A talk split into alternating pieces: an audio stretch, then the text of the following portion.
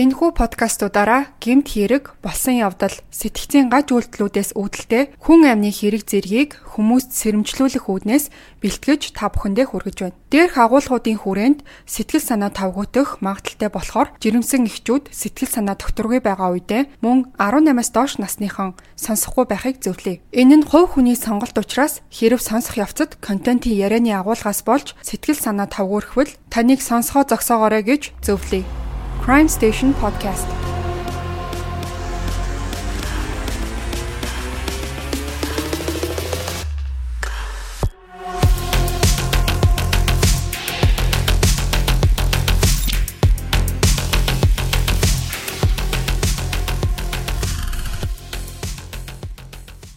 Сайн байцгаана уу сонсогчдоо уламжлал ёсоор хагасан өдөр болгон танд хүрдэг энэ удаагийн подкастаар алдарт мэрэгжлийн боксийн тамирчин Майк Тайсны талаар ярихаар бэлдсэн байна. За тэгэхээр энэ хүний талаар би бол ганцаараа суугаад ярихаас илүү бас тамирчин байсан спортод бас хүчин зүтгэж исэн Руслантай энэ удаа бас ярихаар шийдсэн байгаа. Сайн байцгаана уу.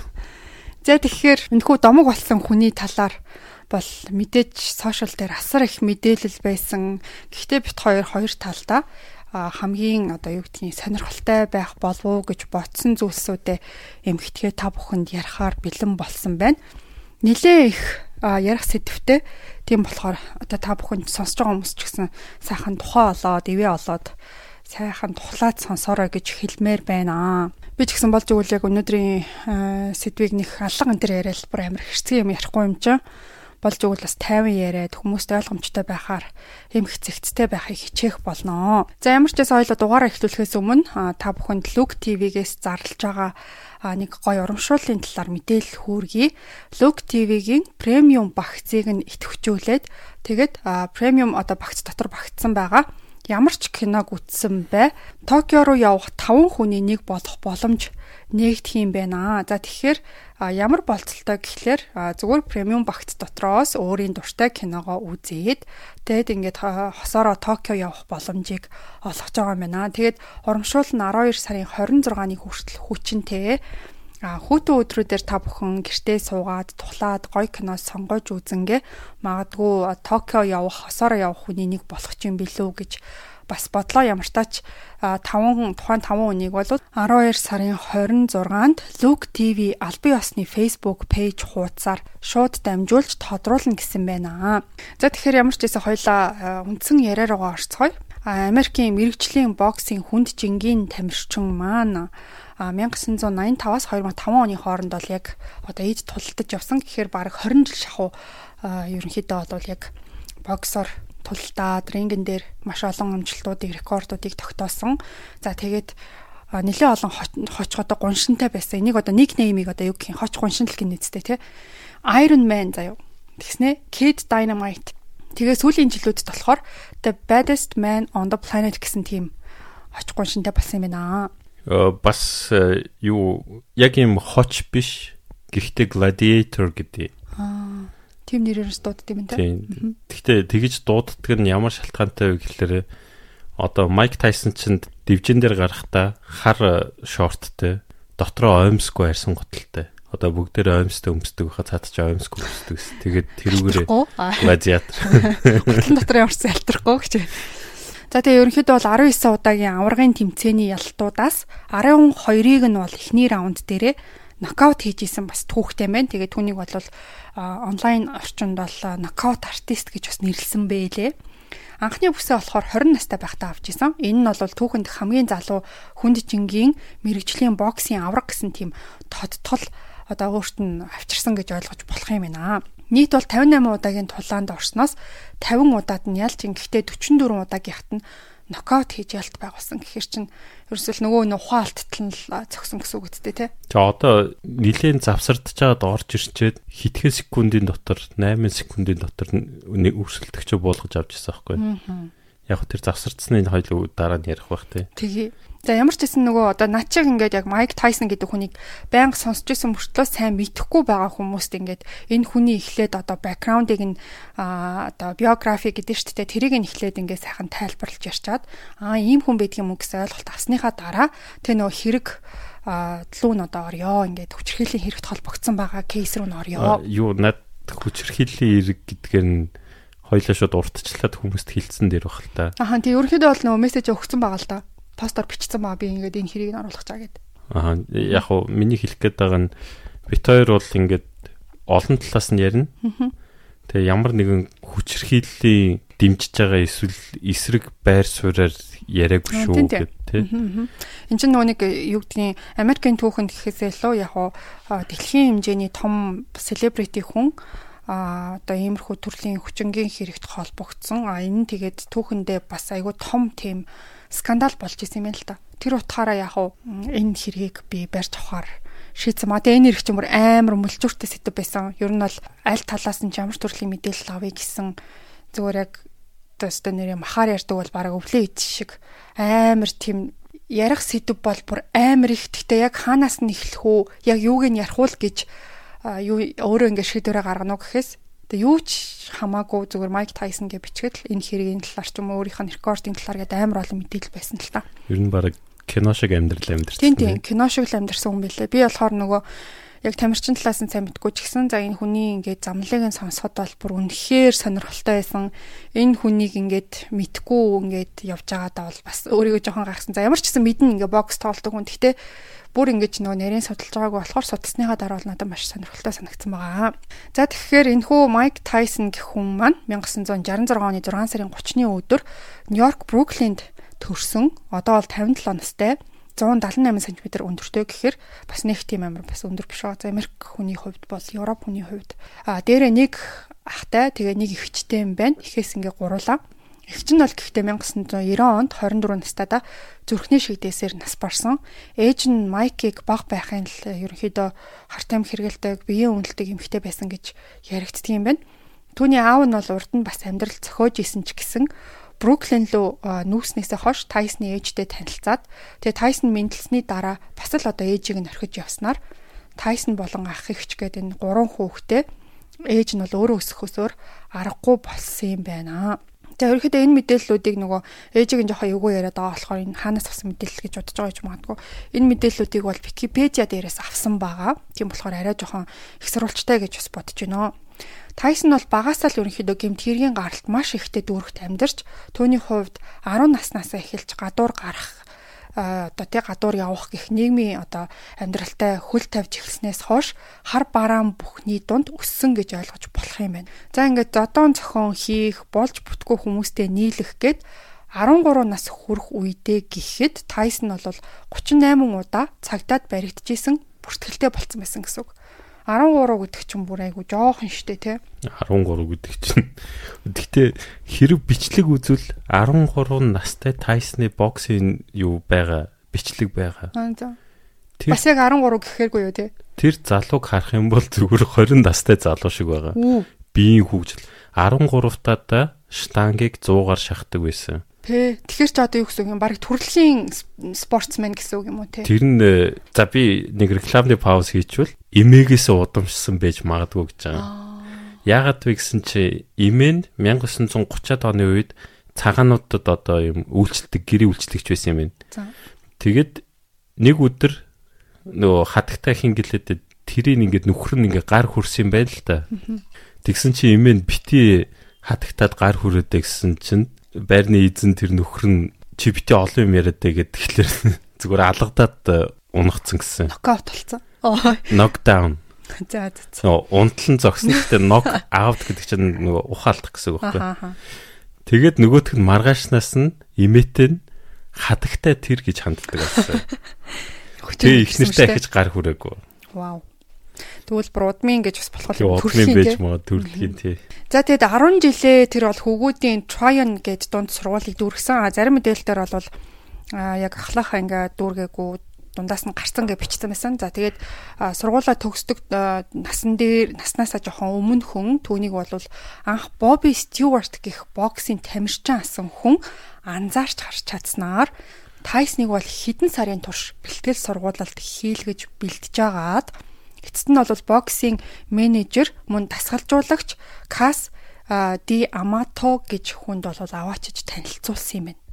За тэгээ Майк Тайсны ээж нь бол түүнийг харамсалтай нь 16 настай байхад нас барж за энэ цагаас хойш залуухан чадварлаг тамирчин хөө одоо саяын дурдчихсэн тэр каскет тасгалжуулагчийн анхаарал халамжинд очоод одоо бүрсүүлдэ ингээд хууль ёсны асран хамгаалагч нь болсон юм байна.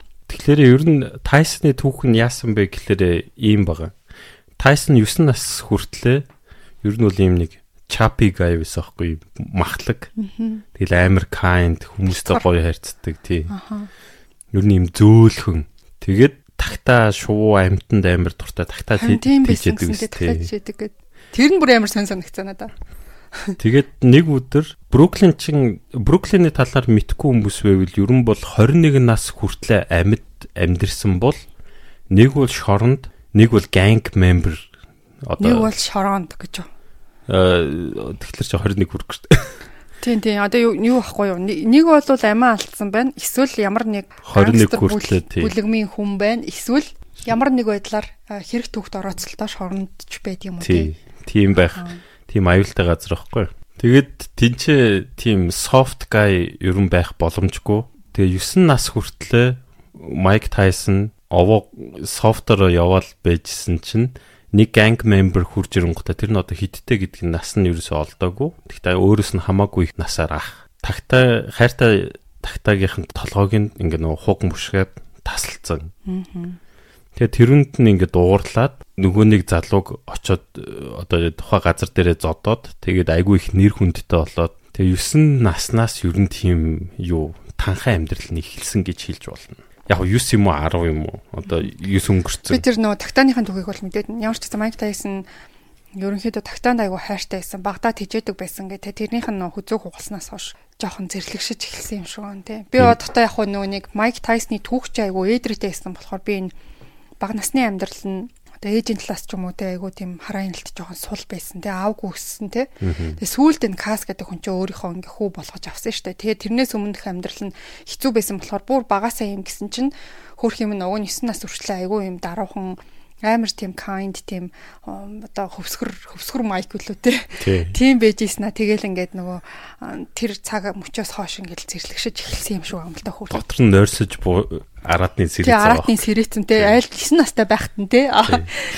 Тэгэд э, майк чин тэрнээс хойш э, тийм орлон хэрэг үлдэж хүмүүжлэх газар. Аа. Засан хүмүүжлэх газар. Тийм засан хүмүүжлэх газруудаар явж байгаа тэнцээ нөгөө Боби чинь багш хийдэг ус аахгүй. Тэгээд Боби тий. Тэгээ Боби чинь ерөөсөө юм боксер хичээллэл дасгал хийж байгааг нь харангутлаа. За ерөөхдөө энэ бол нэг дуулах юм байна гэж харсан мөн тий. Тэгээд нөгөө зөв өнөө олж харсан. Бобитэй зодтолтон гэж бодсон аахгүй юу? Аха. Ерөнхийдөө бол энэ Bobby Stewart гэдэг хүн зөв хүнээ олж харсан. Тэнгүүтээ зөв хүн дээр аваач өгсөн байгаа байхгүй юу? Тий. Тэгээд нөгөө Bobby дийлж чадна гэж бодоод тодорхой хугацаанд ийм дасгал хийж байгаад Бобитэй зодтолддог байхгүй юу? Тэгээ Боби руу одоо ямар ч техникгүй хүн чин толгоор нь ингээл чатгаараа нүдэн штэ. Тэгээ Боби ингээ болонд хамгаалж зогсчоод нэг л удаа илэг рүү зогцсон гэж байгаа байхгүй.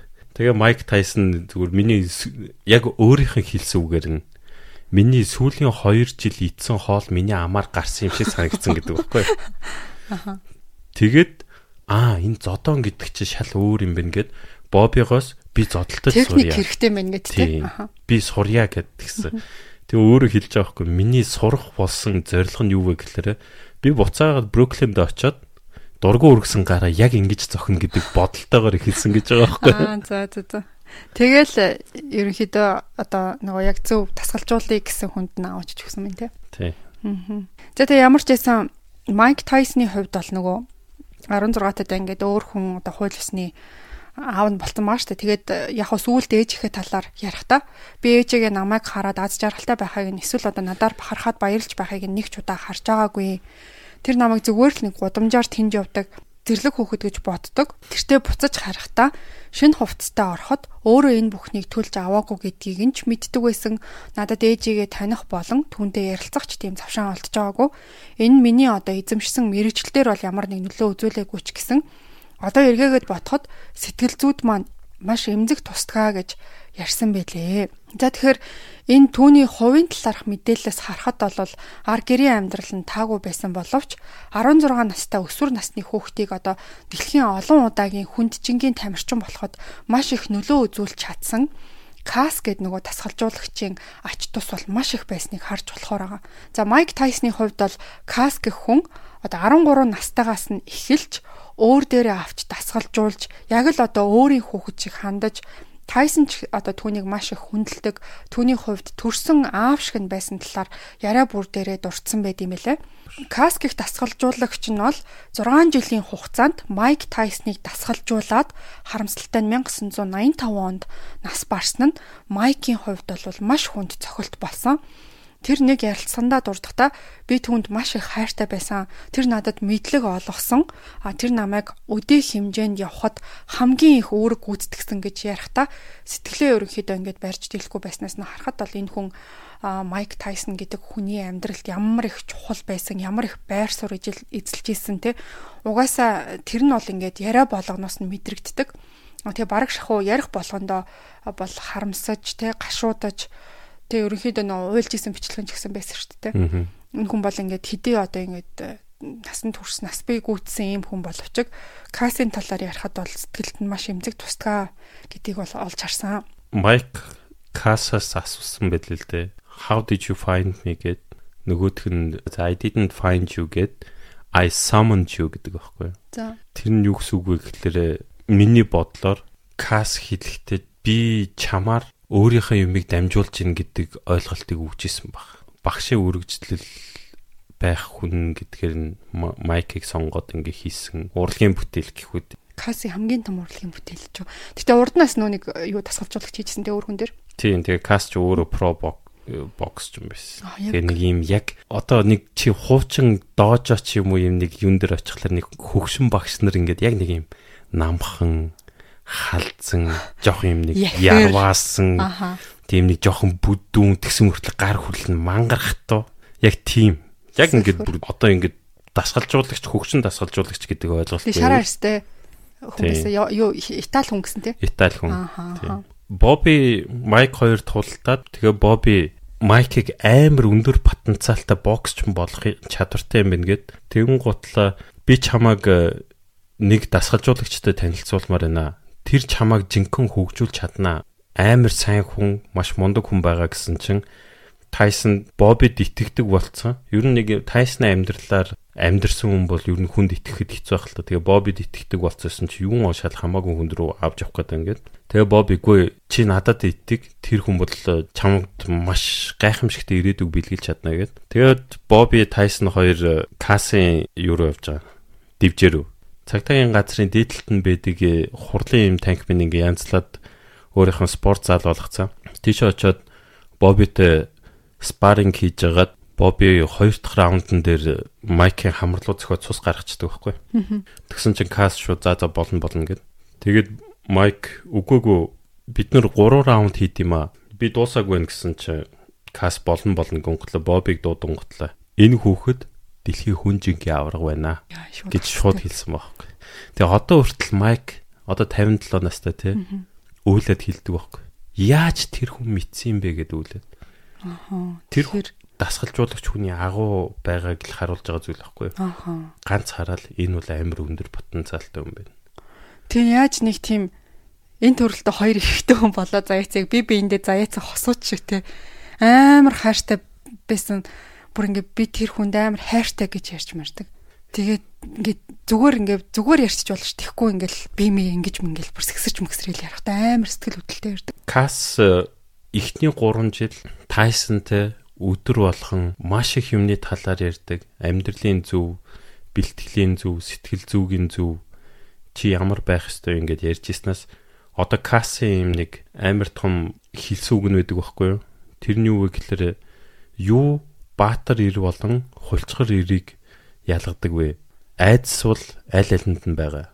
Зөвхөн тэр хүний гаргаж байгаа шийдвэр тэтмүсийг ялгадаг гэд. Тэгээд Майк Тайсон тэрийг ойлгохгүй байжгаад хамгийн ихний тулаан биш тэ сонирхогч. Тэрүүн дээр гарахтаа салгалж айж айж жагаад гарахаас өмнө тэгээд Майк өөрөө боддог гэсэн хойд бодчихснаа ярьж байгаа. Би маш олон хүнтэй Бруклинд гадаа зодтолддог гэсэн нөгөө мафийн чи энтэй зодтолт маф жоох гангийнх нь чи энтэй зодтолдох уу гэж хүүхд дагуулж ирлээ зодтолддог байсан. Гэтэ би хизээч ингэ сандарч байгаагүй мэн гээд арай мэрэгжлийн ч юм уу нэг өөрийн нэг тийм далд ухам ухаанд нэг юм айц байгаа штэ. Тэрүүгээрээ бодож хагаад тэгээд дивжин дээр гараад тэгээ яг тоглоод минут хэдэн секундын дотор тэр хүний нөгөө өрсөлдөгчөө ялцсан байхгүй нокаутаар. Сонирхогч байхад хүртэл айгүй их нокаутаар очдөг гэсэн. Тэр үед л яг үг нь ойлгосон байхгүй. Инчээс гараа цухтах эсвэл чи айцыгаа даван туулаад буцаа ринг руу орох тий. Тэр чадвар л яг тэр кас ярьж исэн юм ингээд тэг надад маш олон юм ярьсан би одоо хүртэл зарим нь ойлгоогүй гэж ярьдаг. Тэгэхээр амар том философи суулгах гээд үзээлсэн байна тий. Тэг яг амьдралынх нь нөгөө нэг яг тэр гол нөгөө одоо жанжин шугам гэж ярьдаг штеп. Тэр жанжин шугамыг суулгасан хүн гэж бол касыг бол ойлгож угаасаа болох юм билэ. Тийм одоо болтол юу гэдэг Майк Тайсон ямар ч юмн дээр худлаа ярьдаггүй нэг зан гэж байгаад байгаа. Энийг бол хүн болгон мэддэг. Хэрэгцээ өөр ямар нэг хэрэгт хийгээд өөрийнх нь буруу байсан бол миний буруу байсан. Би хүлээн зөвшөөрч гинөө гэд өөрөө хилчдэг байхгүй юу. Тэгэхээр тэр зангийн хүртэл суулгахад энэ кас гэдэг хүний нөлөө бас асар их байсан ба. Тийм. Тийм. Тэгэхээр ямар нэг хүн дээр одоо бидний жишээн дээр ч гэсэн авч үзэхэд бол юу гэдгийг заавал тамирчин дасгалжуулагч хоёр л би биэндээ амьдралынхаа жанжин шугамыг олгодог биш. Хоёр хосуудын хооронд ч гэсэн байна. Аа найз нөхдийн хооронд ч гэсэн байна. Айгүй зөв хүмүүжлэлтэй хүмүүжж жагаад нэг айгүй бүтггүй үндэд нийлээд дарваад явцсан жишээнүүд маш олон байдаг те. Тэгэхээр энэ нэг хүн сонголт гэдэг хүний амьдралд ямар чухал нөлөөтэй вэ? Одоо ингээд яг үнэндээ тэр үед кастерийн Тайсон очиагүй бол би энэ Майк Тайсныг зүгээр нэг ганг мембер л явж байгаа. Сайн зод тухайн амт зоддог. За нэг боксер хичээлэх гэж үзүүл үзэн тэгэл болил болно сайн ингээд чиглүүлээд өгөх хүн байхгүй л энэ хүн ингээд задраал явцсан байгаа. Угаасаа зүгээр нэг тэр ганг мембер хиннийг нь ч мэддэхгүй нэг хүмүүс зөндөл байгаа шүү дээ одоо тий. Тэр нөгөө юу яадаг байхгүй юу? Бобитэй э, кас каси өмнө тулдаж үзүүлчихэд буцаж явахдаа касын гэрээр хоол идчихэд юу? Тэгтээ амьдралдаа сарнаа харж байгаагүй учраас энэ ямар гоё юм бэ та надаас эннээс өгөөч гэж сарнаа нэг багцалж өгсөн юм шиг он кас. Тэгээ машин цухаж явж байхдаа Касын хилсэн үг нь чи дэлхийн авраг болно гэдэг нэг тийм үгийг хилцэн ингээд толгонд нь бодогдол явдсан гэж байгаа. Тэгээд буцаагаад Бруклинд очичоод хэсэг хугацааны дараа Бобитэй уулзсан чинь Боби чи энэ Бруклинээс явахгүй бол нэг бол чи үхэн нэг бол чамааг алнаа. Тэгэхээр чи эргэж буцалтгүй кастер очих хэрэгтэй. Тэгээд э, Майк чин ээж дээр очиод би одоо тэнцээ бэлтгэлийн байран дээр амьдарч дасгал хийгээд тэнцэнэ юу н амьдрахаа шийдлээ гэсэн чи ээж нийлэн дурамчхан байсан. Гэхдээ магадгүй тэрийг бол би хаанаас ч олоогүй гэхдээ магадгүй ээж нь угаасаа жоохон дургу чим шиг байсан гэсэн штэ. Нэг хойр татан байгаагүй. Тэгээд тэр үедээ боцсон л ахalta. За магадгүй засрах байх ч юм уу. Арайч за за хамаагүй гээг бах те. Тэгэхээр магадгүй засрах байх, магадгүй ямар нэг юм өөрчлөгдөх байх. Тэгээ тэр орчинд амьдарч байгаа эмэгтэй хүн ч мэдчихэж шít. Нэг бол ганг мембер, нэг бол үхнээ. Зүгээр замын эсрэг талд нь байгаа хүмүүс нь буудуулаад байгаа юм чи тээ. Ээжийнх нь тэр шийдвэр нь бас майкд амар нэмэр болсон. Ер нь бол зөвшөөрсөн. Тэгэхээр нөө яагаад ингэж касыг амар олон яриад нү гэхээр амьдралын хувьд хамгийн чухал байсан хүн нэгдүгээрт хоёрдугаарт гэх юм бол өнөөдрийн одоо өндөрлөгт гарсан амжилтынх нь хамгийн гол түлхүүр болсон хүн энэ хүн байгаа учраас энэ хүний одоо Майк Тайсонтай холбогдсон түүхүүд бол маш сонирхолтой байсан учраас ярьж байгаа юм шүү.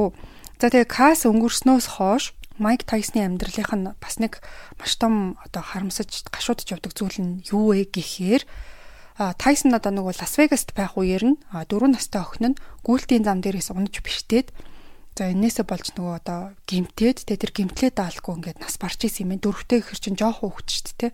Тэгэхээр энэ зүйл түүний хувьд бол амьдралынх нь бас нэг харт толб байсан гэж өөрөө бас ярианыхаа үед дандаа дурддсан юм лээ.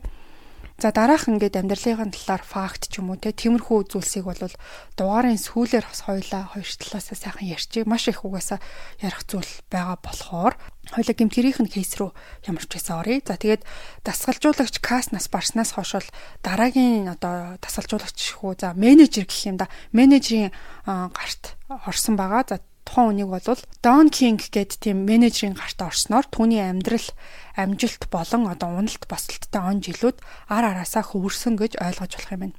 За тэгэхээр түүний одоо холбогдсон хүчингийн гэмт хэргийг ярьж эхлэхээс өмнө эхлээд Desiree Washington гэх одоо тухайн үедээ 18 настай байсан эмэгтэйтэй танилцах хэрэг гарнаа.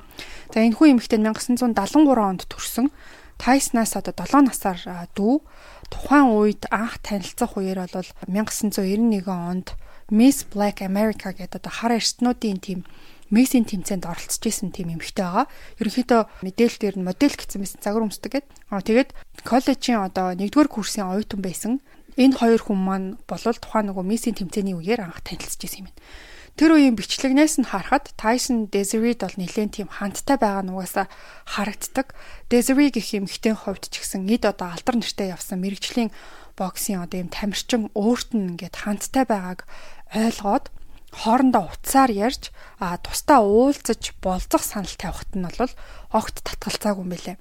Ингээд 1991 оны 7 сарын 19-ний э, одоо шилжих шүн шүний одоо 2 цагийн үед Тайсон бол Desiree руу залгаад уулзъя гэж хэлсэн маа.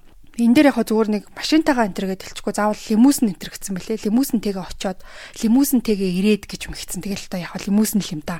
Машин л гэчгүй. 91 онд лимузин чинь одооны одоо Улаанбаатарын гадаа Lamborghini Porsche явж байгаатай адилхан байсан болов. Мэдгүй ямар ч гэсэн ингээд юм ярих зүгээр л машин дал гэнэ. Гадаа Rolls Royce айгу ховор тааралдсан шүү дээ. Тэрүүнтэй адилхан байхгүй тухайн үед. Айгу тансаг зэрэглэл гэсэн. Дотроо тэр чинь утас муцтай бас. Тэгэл нэг тэрийн зүгээр ярьчихгүй. А лимузин доторх утсаараа анх залгсан гэж мэгэл амир тэрийг тодтогч яриад лээ. За тэгээд айгу онцлог л доо. Тийм л ах. За тэгээд юу яасан маа машинтайгаа ингээд оо байрных нь гадаа явж очоод тэгээд Desiree бол тосч авсан. Ингээд энэ хоёр хамтдаа Tyson-ы буудалж исэн буудлын руу нь явсан юм байна. Өрөөнд орсныхоо дараа энэ хоёр хэсэг бол яг үнсэлцэн гэж Тайсон ярьдаг. А тэгэд үйл явдал өөр тийшээ гинт эргээд хүч хэрэглэж эхэлсэн талаар Desiree сүлд нь яриандад орсон. За тухайн буудлын өрөөнөөс тэр уйлж гарчгүйгээд удаагүй энэ талаар бол гэрээхэндээ хэлж эцэст нь бол хүчинцэн гэсэн зүйлийг ээж автагаа нийлээд ингээд цагтаад хэлж мэдгэснээр энэ явдал эц төгсгөлгүй одоо маш дуйлаан шуугаан тарьсан скандал болж хуурсан юм байна. За тэгээд яагаад энэ асуудал эцтэй ингээд хүмүүсийг хоёр талцуулаад байгаа вэ гэхээр мэдээж бол хоёулаа хоёр талд өөр өөр түүх ярьсан байгаа. Тайсон болохоор ямар ч тийм хүчрхийлэл болоогүйгээд тэр байтугай одоо өөрийн хийсэн муу зүйлсийнхээ талаар элен далангуу ингээ ярьдаг хүн одоог болтол тэр бол тухайн үедээ ингээд Desiree гэх юмхтэйг үнэхээр би хүчиндээгүй гэж ярьсаар байдгийм байлээ. Тэр одоо байр суурин дээр ингээд бац өгсдөг гэсэн. Харин Desiree болохоор Tyson-ыг намайг хүчинсэн гэдгээ цагдаад хэлсний дараа бүх хүмүүсийн мэдхийг хүссэн зүйлд хариу өгөхийн тулд телевизээр ингээд ярилцлага хүртэл одоо нэг удаа элен далангуу өгсөн байсан. За тэгэхээр одоо эхлээд би болохоор Tyson-ы ярьсан яриаг харин дараад нь Desiree-гийн ярьсан яриаг нь товчлоо та бүхэндээ ярьж өгье. За юуны төрөнд болохоор Tyson энэ өдөр өдрийн одоо буудлын руу орсон явдлыг хоёр талаасаа зөвшөөрөлцөж харилцаанд орсон гэдгийг хамгийн түрүүнд дурдсан байна. Залуухан тэгээ тийм хар арьстай, алдар нэртэй, селебрити хүн одоо дураараа дүүргэж яваад хүүхэн буудалд авчираад хүчинтсэн юм шиг намайг харагдуулчлаа мөнгө салгах гэсэн тийм санаатайсан болохоор намайг ийм байдалд эцэст нь оруулсан. Оролцож исэн тэмцээнийх нь үеэр хамгийн амархан ингээд өөртөө нь vibe таарах хүн Desiree угаасаа байсан. Харьцаад ч ямар нэг асуудал үүсэхээргүй. Тэгээ ярилцахад ч гэсэн тэр бол маш дуртай байсан. Христийн итгэгч сайхан харилцаатай тэг царайлаг эмэгтэйтэй анх би утсаар тусгаалan ярилцаж болцоонд бол урьж исэн. Энэ байдлыг өөртөө оруулж ямар л одоо шанс гарч ирнэ тэрийг өөрт ашигтай байхаар тооцоолж чадсан гэж Майк бол сүлд нь ярьсан. Аа тэгээд ерөнхийдөө бол нотлох баримт дээр харагдаж байгаагаар бол Майк тэр шөн 1 цаг 36 минутын үед машиныхаа утаснаас Desiree руу залгахад тэр бол орондоо орцсон байсан. Аа тэгээд гисэн хідээч гараад ир гихт нь бол зөвшөөрөөд тэг гарч ирээд буудлын руу хамт явцгаасан маа. Машин доохта тэр хоёр бол хүнсэлцэж исэн. Энийг ч гэрчлэх 3 хүн байсан маа. Тэгээ жолооч нь тэднийг бол Тайсны буудалж исэн буудалд хөргөж өгчөөд явсан. Тэгээ тухайн үед Desiree ямар нэг байдлаар огт эсэргүүцэл үзүүлээгүй. Тухайн машин дотор хүнсэлцэж байгааг нь харсан гих гэрчүүд бол хожим нь шүүхийн танхимд цагаасаа хоцорч очсон болохоор ерөнхий шүүгч тэднийг шүүх хуралд гэрчээр оролцуулахгүйгээд зөвшөөрөөгүйгээс болоод энэ шүүх хурлал бүхэлдээ Тайсны эсрэг болцсон гэж бас яригдт юм байна. Тайсны эсэргүүцэл үзүүлээгүй гэжсэн Desiree харин шүүх хурлын үеэр бол би түүний үйлдэлд эсэргүүцэх үйлдэл гаргасан гэж нэмж дурдсан. Анх тэр хоёр одоо буудлын өрөө рүү орохдоо Тайсон түнд бол миний бие хамгаалагчид хаана байгааг дээшээ гарч шалгачаад ирээ гэхэд нь Desiree дагаад явсан. Мэдээж одоо энэ бүхнийг хинч харсан энэ хоёр хүний дунд шүний нэг цаг өнгөрөөд хоёр дөгч жоохот зүгээр одоо ярьж суух үйл явц өрнөхгүй гэдэг нь угаасаа ер нь л ойлгомжтой шүү дээ. Тайсон ч гэсэн энэ талаараа одоо хэлэхдээ би Desiree-тэй ингээд харилцаанд орох бодолтой байсан гэд шууд бол өөр үннийг хэлдэм билээ. Харин Desiree болохоор зүгээр би юм ярилцсанаа гэж ботсон гэж байгаа. Тэгээ одоо юу гэдгийг одоо ийм одоо юу гэдгийг одоо хизээч байлаа гэсэн ийм үйл явдал төр угаасаа ерөнхийдөө угаасаа ойлгомжтой эцтэй. Яг уу одоо rational thinking гэж зөвхөн асаагаад эрэгтэй эмэгтэй гэж бодохгүйгээр явах юм бол орой өвдшээр зочид буудалд хоёулахнаа хоёулахнаа яах гэж урах уу? Мэдээж кино үзээд попкорн идэх гэж биш. Тэ? Тэгэхээр юу руу алхаж байгааг бол ямар ч сан мэдчихсэн. Хинч ботсон юу гэдэг шүний 2 цагт буудлын орон дээр юм ярилцах чинь. Гоё гоё юм ярьж байгаа л тэгэл яг хуу романтикээр бодож бодлох л байна. Тэгээ шүний 2 цагт ч тийм. Харин тийм ээ. Энэ дээр бол ялтчгүй энэ эмхтэй болвол арай гинтцэн л дээ. Тэгээ яг энэ дээр ингээд юу яаж аас дээ. Би ингээ угаасаа ер нь бол бэлгийн харилцаанд орох хүсэлтэй байсан гэдэг үн дээр нь бол өөрөө хэлчихэж байгаа шүү дээ. Ямар ч хүн тэгж бодно шүү дээ. Харин тийм. Бид нар заал руу явж сакс юм уу спортоор хичээлэх гэж байна кино театрт явж ивэл кино үзэх гэж байна. Амралтын газар руу явж ивэл бид нэр зугаацах гэж байна. Магадгүй ямар зугаа цэнгэл байдэн. Гэхдээ шөнийн хоёрт зочид буудлын руу явж байгаа бол ямар зугаа цэнгэ байхыг бүгдээр ойлгож байгаа. Аа. Тэ? За тэгээ ямар ч хэсэн тэр хүүхний одоо хувцсыг нь уурж тасцсан зүйл бол огт байгаагүй. Desiree ярьсан зүйлтэй ч гэсэн тууштай байхгүй яриануд нь бол ерөнхийдөө байн гуурчлагдчихсэн. Тайсны өмгөөлөгчөөр Vincent J Fuller гэх одоо хүн ажиллаж исэн. За энэ хүнийг бол тухайн үеийн Тайсны менежер байсан King гэх хүн өмгөөлүүлэхээр одоо одоо хүсэлсэн юм байна. Тэгээ чухам яагаад энэ хүн ингээд ийм Вашингтоны одоо маш том хуулийн фирмийн өндөр үнэтэй өмгөөлөгч хөлсгөр босныг нь бол мэдэхгүй ч хожим нь өмгөөлөгчийнхөө тухай Тайсон өөрөө ярихтаа ч гэсэн маш бухимдангуй байсан. Тэгээ одоо нөгөө одоо өмгөөлж байгаа хүн бүр хүний урманд Майк Тайсонтай тусгайлан уулзаачгүй огт хоорондоо ярилцсан ч зүйл байхгүй юун баг ингээд нөгөө тухайн тэр хүнийг тэр одоо боксын тамирчин өмгөөлөх харин ч одоо баг тэгсэн гисгэл хийсэн эргийг нь өөрүүлээл ингээд шоронд суулга ялыг нь идлүүл гэсэн тийм өнгө аястай байсан гэж байгаа. Энэ ч гэсэн шүүх хурал дээр ялагдал одоо хүлээх бас нэг том шалтгаан болж исэн гэж яригддаг.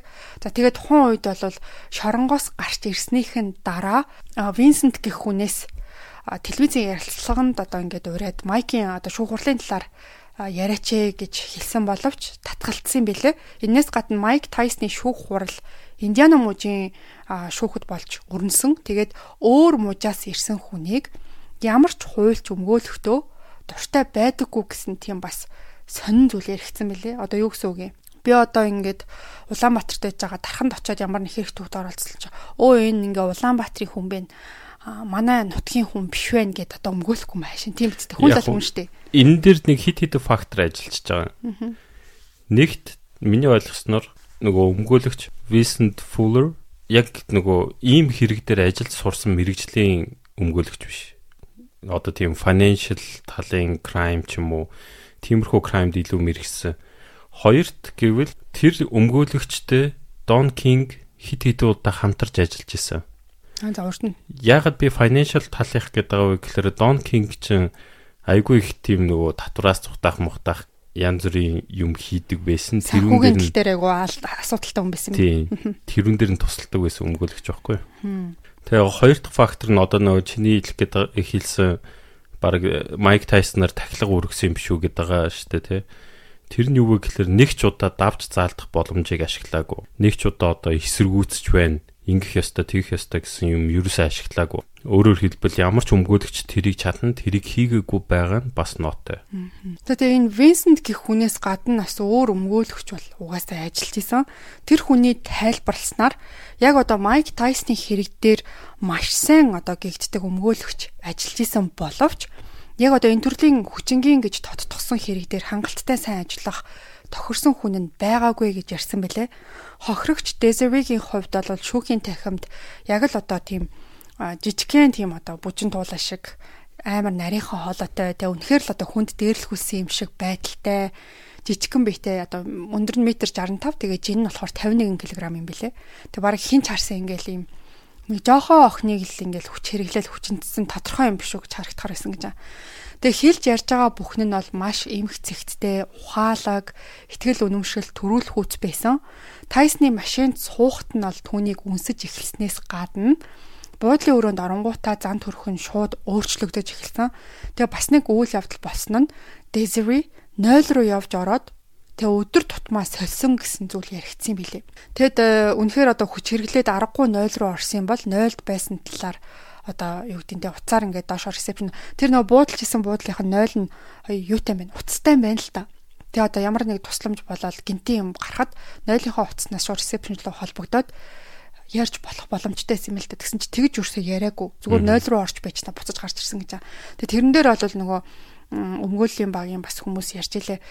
Тийм бахад одоо тийшээгээ ороод тэр нэг өдөр тутмаа сэлсэн үү хайсан уу яадаг ч гэсэн ингээд харилцаанд орох гол солих эсвэл одоо хаях үйлдэл хийж гин гэдэг нь ойлгомжтой хахад энэ талаар нь ингээд шүүх хурлын үеэр Тайсны шүүгч Винсент огт хүндэж асуугаагүй өнгөрсөн бас айгүй том алдаа болсон гэж үздэг юм лээ. Тайсны санджаагаар Desiree одоо буудлын өрөөнд нь ороод үсрэл одоо санджаагаар нь штэ 15-аас 20 минут орчим болсон гэж. Тэгээд энэ хугацаанд хүчиндэж амжин гэдэгтээ Тайсон огт эвлэрээгүй. Хүчин гэж юусэн энийг ингээ баг тооцохгүй ч гэдэг юм уу. Ямар бүр өөр ингээ амар фан болгоод яриад л ямар бит хоёр юм спортын марафонд оролцож байгаа тамирчин биштэй. Тийм хурдан бөхцөл өрнө гэсэн юм байхгүйгээд За тэгээ мөн шүүх хуралд ялагдах болсон хамгийн том шалтгааных нэг нь гэх юм бол Майк Тайсны төлөөлөл нь маш муу байсан. Одоо харсан гэрчүүд мэдүүлэг өгч чадаагүй. Тэгээд тохирсон өмгөөлөгчөө сонгоогүй. Дээрээс нь нэмээд Тайсон өөрөө үзэл бодлоо илэрхийлэхдээ хитрхи одоо бурууг ашиглаж те хараал энэ төр хийлч мөлөө те ялагдахгүй гэсэн бодолтой хитрхи тийм өөртөө ихтгэлтэй байсан нь гол гогцоо болсон гэж үздэг юм. Тэгээ энэ дээр нэг анзаарсан зүйл нь гэх юм бол хүн хэрвээ үнэхээр гин буруу хийгээгүй одоо ингээд гүтгэлгээр одоо яллуулах гад ингээд байж ингэж бодъё л тоо. Тэгвэл Майк Тайсон байтугай зүгээр энгийн одоо ямар ч олонний танил биш хүн ч гэсэн өөртөө ихтгэлтэй л байна үсттэй яаж ч утсан. Тийм. Гэтэ яг хоо энэ үед ингээд Майк Тайсон залуухан байсан. Окей. Тэрийг дэврүүн байсан ойлгож болно. Гэхдээ үнэхээр хийгээгүй хэргийнхэн төлөө шоронд суух ял оноох гээд байж хахад тэр хүн одоо баг айхын оронд ингээл амар тийм өөртөө ихтгэлтэй амар тийм ихэмсэг бардан байсан би гэж өөрөө яриад лээ. Майкийн хувьд бол ийм байхгүй юу? Хэрв хэрэг биштлээ биштлээ гэхэд Дон Кинг аварч чадна гэдэг ойлголт байгаа байхгүй юу?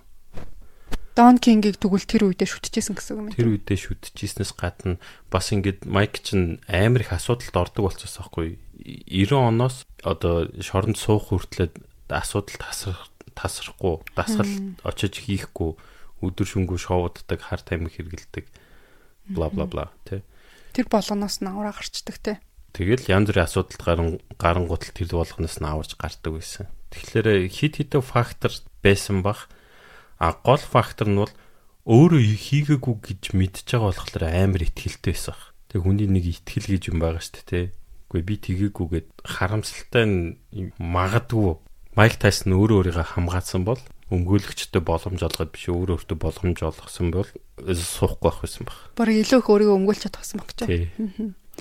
За тэгээд энэс гадна болохоор штэ а нэг олныг шуугуулсан нэг мэдээ одоо нийтэд цацагдсан байсан юу гэхээр Desiree-гийн ex найз залуу гарч ирсэн байгаа.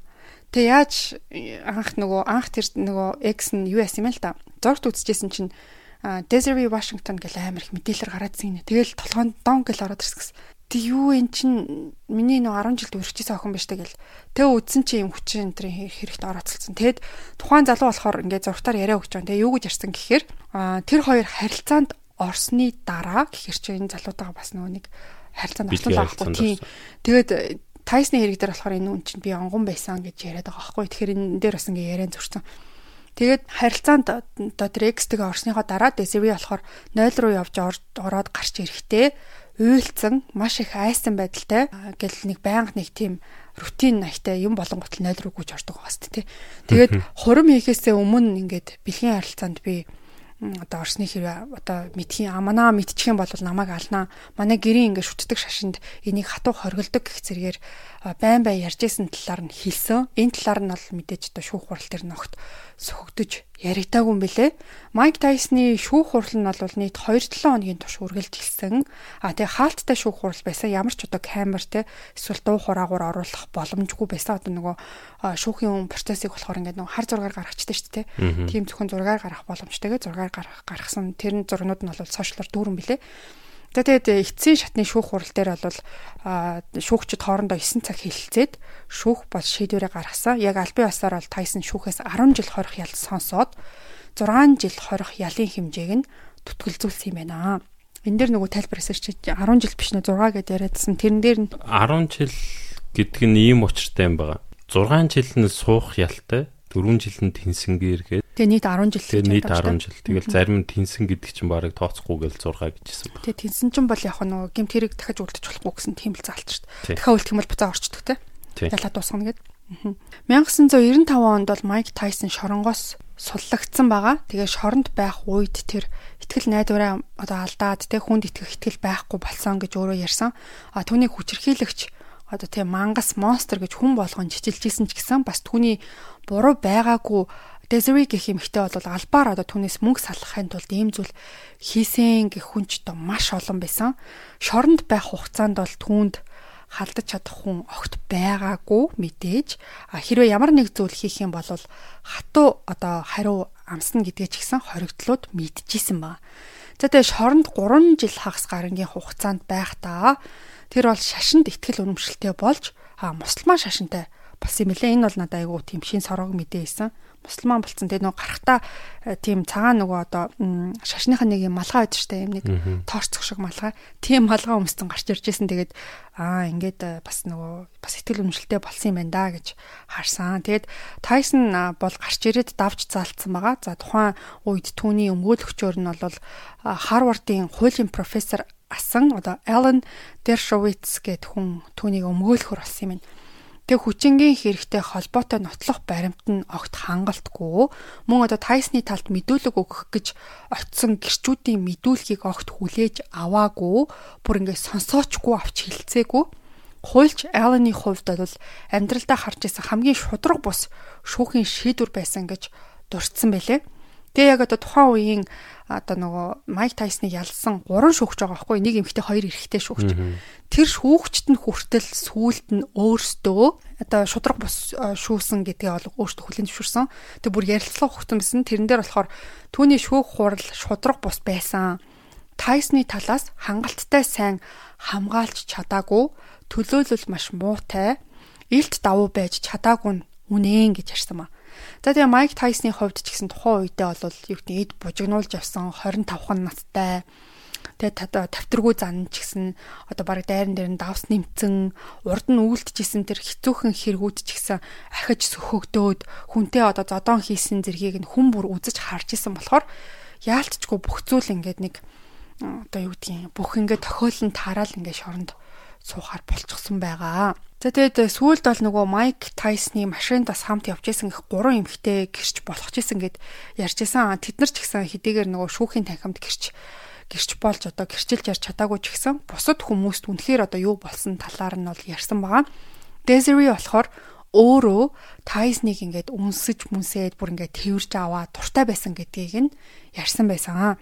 Тэгэд ч Тайсонтай одоо бэлгийн харилцаанд орох үеэрээ онгон байсан гэж шүүхийн танхимд ярьсан Desiree үнэн дээр онгон биш байсан гэдгийг нь угаасаа ex boyfriend нь гарч ирээд олонд зарлцсан. Хамт төгсөлтийн баяраараа ахуулсан гар гараа барьсан тийм зураг нь угаасаа сошиал дээр байдгийм байлээ. Тайсны хувьд бол хэрвээ шоронд орчоод хэрэгээ үлээгээд би одоо хүчинцэн гэд хэлчих юм бол арай эрт сулна гэжсэн ч гэсэн тэр бол энийг хүлээн зөвшөөрөөгүй би үнэхээр ингээд хүчин хийгээгүй юм бэжэж хийгээгүй хэрэгтэй ингээд худлаа ярьж дараа нь ямар нүрээрээ би гэртээ харих юм бэ би үнэхээр муу юм хийсэн бол үннээр нь хэлээд миний буруу байсан би тэгсэн ингээд хизээд хилдэг байсан харин одоо хүчин хийгээгүй байж шоронгоос гарахын тулд худлаа ярьж би хүчинцэн гэж хэлж чадахгүй гэж өөрөө ярьсан. За тэгэхээр Майк Тайсны талаарх яриа бол ерөнхийдөө ийм байна. Сонсон одоо та мөн одоо ярьсан би ч гэсэн энэхүү ярианаас бол одоо Майк үнэхээр хүчин хийгээгүй юм биш үү гэж гих одоо бодол төрсөн гэдэгт бол итгэлтэй байна. А тэгээ Desiree бол түүнээс 5 сая доллар нэхэмжилж хүчингийн хэргийн улмаас бие болон сэтгэл санааны хувьд одоо хохирол амссан гэдгээ мэдэгдсэн байгаа. Тэгээд Tyson-ыг шоронд оруулж байгаа тэр газар нь одоо YouTube дээр хийж болохгүй баха шарт ийм торц биш цагаан ийм торцог малгайтай Америкийн расистууд. Расистууд тий. Тэгсэн бас шашны үзэлтэн гэсэн тий. Тэр чинь нэг шашны үзэлтэн байхгүй юу? Одоо айрын үндэстэн юм уу хааш юм мэдгүй Тэднүүсийн хамгийн том хөдөлгөөн болдог байсан газар байхгүй Индиана мужи чинь. Харин тийм жоохон нэг тийм хар хүнд жоохон хүнд гэх юм уу да тий. Харш газар гэх юм уу тий. ер нь бол айгүй тийм юутай хэцүүхэн газрыг таарсан. Тэгээд Тайсон өөрөө тухайн үедээ би сүулт хэлэхдээ би угаасаа шоронд орно гэдгийг мэдчихсэн. Би юу ч ярьсан байсан би хаана байгаагаа маш сайн мэдчихсэн гэж. Аа тэгээд нөгөө хэрэг хаана үлдэгдсэн тухайн газраа л нөгөө шүүхт орох гэдэг шүү дээ. Аа түүнээс биш өөрийн хүсэл тэрэ өөр мужид орё морё гэсэн бол бас тэгэл газраа сонгохол байсан баг те. Тэгээ бас нэг сони юм ийм юм байгаад байгаа байхгүй. 91 онд зочид буудлууд камергүй энэ тэнд камергүй байсан байгаа байхгүй. Тэгэхээр одоо ингээд хүнд нь итгэхээс үр аргагүй. Гэрчэд итгэхээс үр аргагүй. Хүний яран дээрээс тулгуурлаж нотлох баримт болгодог тийм. Одоо бол цаг үе өөр болчиход шүү дээ. Зүгээр л цуг селфи хийгээл сошиал дээрээ тавьсан л бол тэгэл банд тас болчиход. Ялангуяа бүр ингээд буудлын руу яг ямар одоо яаж орж ийн те тэрвэрлцэн орж ийн үү те эсвэл нөө зарим тохиолдолд ингээд согтуу авч ороод хүчнэтсэн байдаг шүү дээ. Тэнгүүд тухайн эмэгтэй согтуу байсан байна уу, мансуурсан байсан байна уу, эрэгтэй туртай байсан уу, эмэгтэй туртай байсан уу гэдэг нь харагдчихсан шүү дээ хяналтын камераас. Яг өөрөө олгонд хяналтын камер байдаг гэдэгт бол би бодохгүй байна. Гэхдээ а юу болгонд тавар болгонд тийм үн тийм үүд хэсэгт нь бол угаасаа камертай байдаг. Тэгэхээр тэр болгоноор харагдаж болох байсан баг тийм уг нь. Тэр бас нөлөө үзүүлж болох байсан баг. Гэхдээ ингээд Майк Тайсон дээр бол бүр ингээд яалтчгүй бүх юм ингээд яг өөрлөө заацсан энэ хүний нэг туулах ёстой юм л энэ байсан юм шиг байна. Бүх юм ингээд таарсан те. Майк Тайсны эсрэг байгааг нь өмгөөлж чадах өмгөөлөгч байгаагүй. Тохирсон өмгөөлөгч нь сонгож чадаагүй те. Тэгээд нөгөө талаас Майк Тайсон тэр эмэгтэй хоёрын хоорондох харилцааг урт удаан хугацаанд романтик харилцаа биш ус болохоор тэр эмэгтэй ямар бодолтой тийш явсан та одоо хүртэл амар сонирн байгаа. Харин тийм дуус ойлгомжтой амьдар чинь тэгээд гинэн гэхүү гинэн гэхээр одоо яриа маригийн сонсголоор одоо шал өөрлөө байгаа байхгүй айгу смарт охин байгаа байхгүй.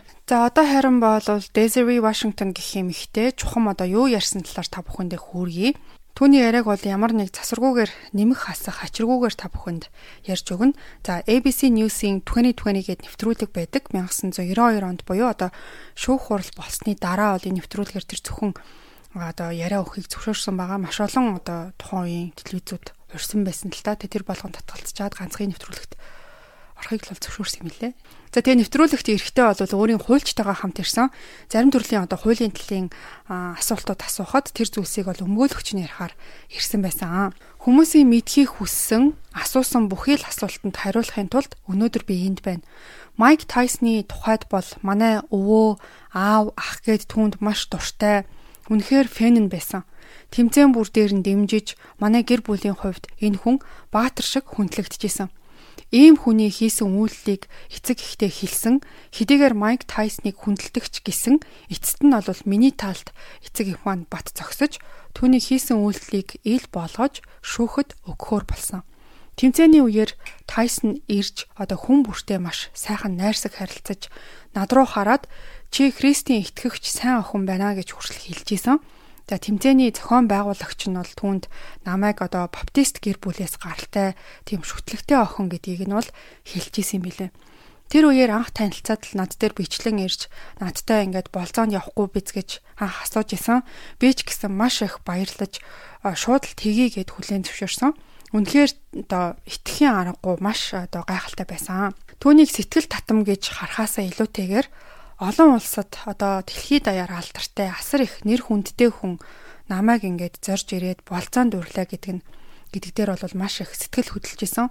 Шүүх хурлын үеэр эсрэг талын байр суурь нь бол Майк Тайсон анхнаасаа л надтай бэлгийн харилцаанд орох сонирхолтой байсан талаар сөхөж ярьсан. Бид танилцсны дараа тэр бол огт тиймэрхүү зүйл надтай ярьж байгаагүй.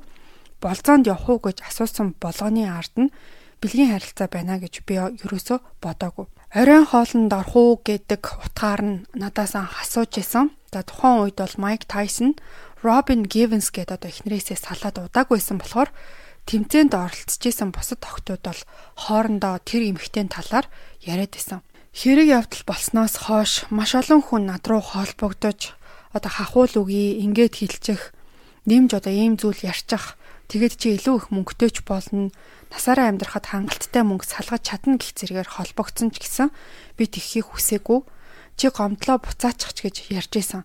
Тэгэхээр энэ хүн нь одоо Майк Тайсны талын хүн байсан уу эсвэл одоо өөр хүн байсан уу гэдэг дээр одоо бол ярих одоо тохиромжгүй байна. 7 сарын 19-ний шөнийн 1 цаг хагасын үед Майк Тайсон над руу залгаад гараад ир гэж хэлсэн. Яасан бол гэж асуухад хамт юм ярилцъя гэж эхлээд хэлсэн. Тэгсэн чи одоо манай өрөөний охин ойрын өдрүүдэд ингээд э, одоо тэмцээний after party энтер болж байгаа юм шүү гэлээ гэж хэлсэн болохоор нь зүгээр буугаад ирээ гэдээ ахаар нь би ч гэсэн ингээд заа гэж хэлээд хувцлаад бас тэгээд камера цонхлээд аваад одоо би буусан.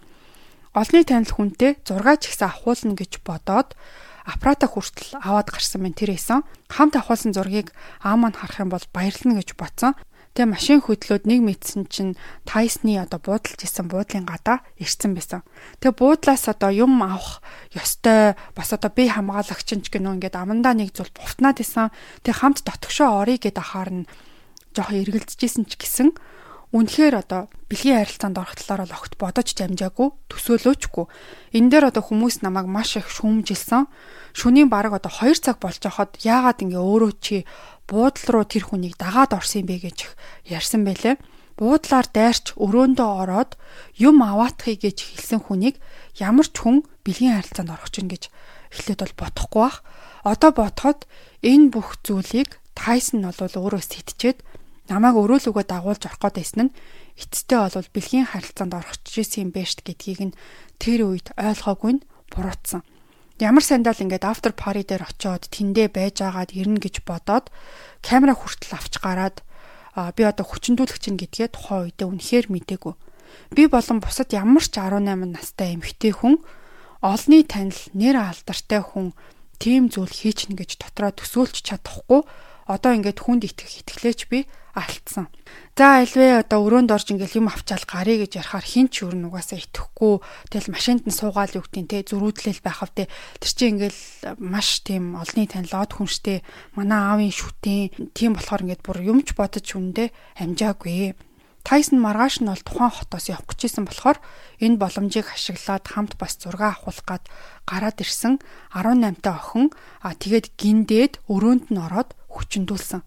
Шүн яах гэж 2 цагт зөвхөн унтаж амархад зориулагдсан том буудан бүхий өрөөнд одоо баг өөр юу хийх хэвтэй гэдгийг мэдсээр бэжэж хамт орсын гих зэрэгээр надад огт итгэхийг хүсэхгүй байгаа хүмүүс хамгийн ихээр над руу дайрч байсан. Би тэднээс асуухыг хүсэж байна. Та нар 18 наснда яг юу бодож амьдарч исэн бэ? Гин томоогүй насан дээрээ ер нь бол байгаа гэсүг сайн муугийн ялгаагч ингээд олж харж чадахгүй олны танилаад хүнийг хараад дотроо баярлаж догдолж хүлээж авна уу гэхээс муу юм бодоод тэрийгэ ч ингээд утга учирыг нь ойлгохгүй явдаг. Миний готлонд хөлөө дүрж үзээгүй, миний туулсан зүйлийг өөрөө амсч үзээгүй мөртлөө миний өмнөөс бүх зүйлийг шүүмжилж өөрийнхөө хүсээгүй зүйлийг хүчээр тулгаж би яаж ч ярьсан надад итгэхгүй болохоор эцэст нь бол би энэ бүхнийг шүүхийн танхимд үннээр нь хилж тайлбарлсан. Танилцж явах үеийн Майк Тайсон намайг хүчиндж явах үеийн Майк Тайсон хоёр шал өөр. Тэр бол тэр чигтээ өөр хүн болоод солигдсон. Миний боддог байсан сайн хүн зүгээр л одоо яг нэг тийм зэрлэг амтэн шиг бүр хитгэн секундын дотор одоо юм бүр юм мангас шиг чөтгөр шиг болж хувирхыг би харсан. Би түүнийг цогсон. Гэхдээ яг л ингээд хатуу хан руу цогж байгаа юм шиг санагцсан. Тэгээ уйлсан, чадах чинээгээрээ эсэргүүцгийг оролцсон ч угаасаа би яаж чадаагүй. Тэгээ сүултээ гуйж, уйлж миний амьдралдаа мэдэрсэн хамгийн аимшигтай зүйл тэр байсан. Би хүүхдтэй болмооргүй байна. Чи бэлгэвч ч гэсэн хэрэглээгүй байна штт. Бити ингэлдээ гуйж ийн гэж би зөндөө хэлсэн. Тэр зүгээр л шал өөр хүн болцсон байсан.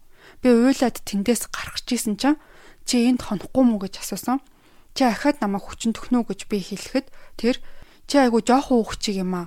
Уйлаад яг жоохон хүүхчиг гэж хэлээд буцаад одоо харахад чинь байр чи эндээс хитрхи хол эдтэй гэд уцаа бариад жолооч руугаа залгах жаах шиг байсан. Би ч тэрийг нь одоо хүлээгээд хургуулъя гэж бол бодоагүй. Зүгээр л өөрөө өрөөнөөс нь гараа явсан. Байранда буцаж ороод энэ талаар би хүмүүст огт хэлэхгүй дотроо л одоо юу болсныг хадгалъя гэж бодсон ч гэсэн нулимсаа төвчөж чадахгүй байсан болохоор намайг ингээд хүчинтхийг оролцсон болохоор нойлын өрөөрөө нь одоо орж хаалгаа төгчээд тэгээ дараа нь арай хийж цогтож гарч ирлээ гэж одоо би бусд хүмүүст ярьсан.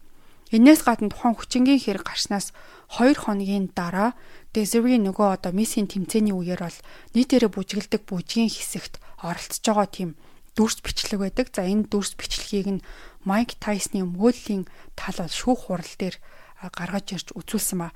Нийтээрээ одоо бикинитэ тийм бүжгэлдэг тийм бүжгийн хэсэг байд юм лээ. Яг хуу тэрэн дээр бол Desiree тийм одоо инээцэн ямар бүр нэг юу ч болоогүй юм шиг бас харагддсан билээ. Тэрэн дээр нь яг ингээд өмгөөлийн таланд дөрүүлэх гэж үтсэн юм билээ. Desiree-гийн хувьд бол тэмцээн чухал байсан болохоор дундуур нь орхихыг хүсээгүй гэж өөрөө тайлбарсан.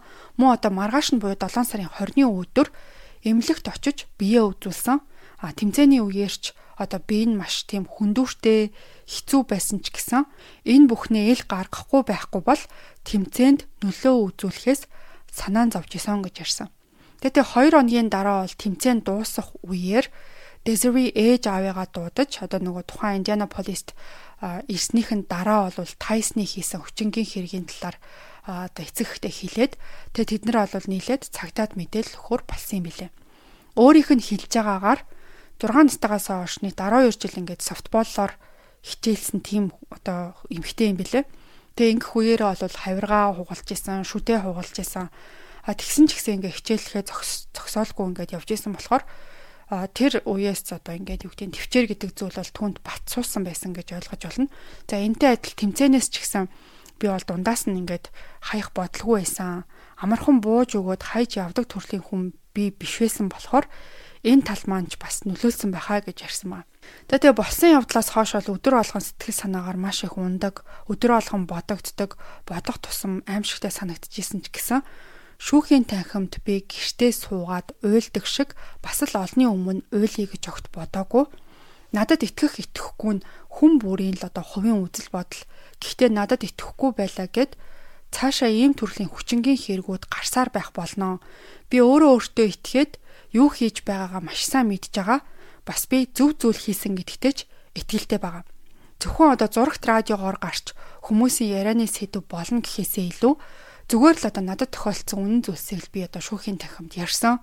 Урд нь би олон ч найз нөхөдтэй гадагшаа нээлттэй төрлийн хүн байсан бол одоо харин хүнтэй харилцах нь багасаад өрөөндөө өдөржин ганцаараа байх анти сошиал тал руугаа болцсон хуухын талаасаа маш том өөрчлөлт орсон. Шүүхээс бол Тайсныг буруутад тооцож ял оноох үед түүнийг хар арьстай болохоор Индиана мужи одоо илүү хатуу хандсан юм шиг санагдсан.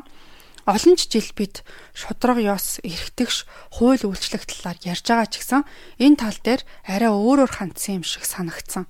Энэ удаа олон нийтэд мэдээлэл өгч асуултуудад хариулсны дараачаас би олон нийтэд ил байхыг хүсэхгүй, өөрөөрөө тайван амьдрахыг илүү хичээх болно болоогүй хэргийн төлөө өөрөө зохиож ярьж бичиж намайг шүүж шүүмжилсэн одоо маш их мэдээлэл цацагдсан байсан.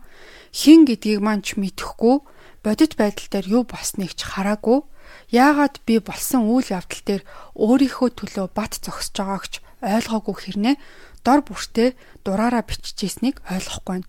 Энэ яриаг өгсний дараа ч одоо миний талаар сөрөг зүйлс ярихаа зогсоохгүй байх юм бол надад үнэндээ бүр үнэхээр өөр одоо хийж чадах зүйл байхгүй. Одоо бодоход Майк Тайсныг би нэг талаараа маш их өрөвдөж байна. Хэдийгээр нэр алдартай хүнч гисэн одоо хувь хүний дотоод сэтгэл зүйн тал дээр тэр бол асуудалтай юм шиг санагцсан. Надад тийм үйлдэл гаргачаад магадгүй дараад нь өөрөө биеэрээ ирээд би буруу зүйл хийчихжээ гэж хэлсэн бол одоо би ингэж шүүх хурал хийж хүртэл сунжруулж явахгүй байсан баха. Хэрвээ одоо Майк Тайсон яг өөдөөс нь ингээд хараад сууж ах юм бол чи түнд юу хэлмээр байна гэж сурвалжлагч асуусан байхгүй тэгсэн чи тэрэн дээр болохоор ингээд чамд тусламж хэрэгтэй байна.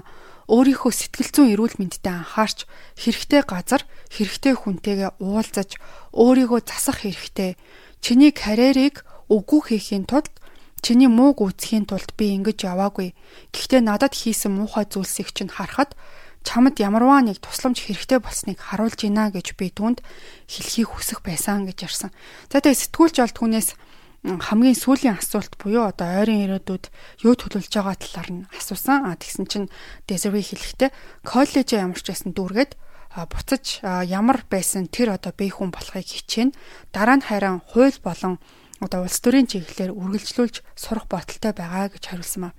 За тэгэхээр Desiree Washington гэх эмэгтэйгийн яриа нь бол ерөнхийдөө ийм байна. 18 настай эмэгтэй гэхэд бол маш ухаалаг а тэгээд үгийн сонголт нь маш зөв бие маш сайн даасан.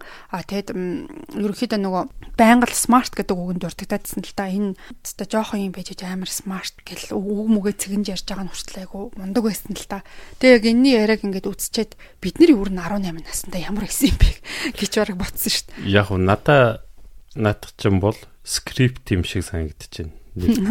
Хоёрт яга скрипт вэ гэхлээрэ тэнцээ юм техникүүд ашиглаад байгаа юм шиг байгаа байхгүй юу?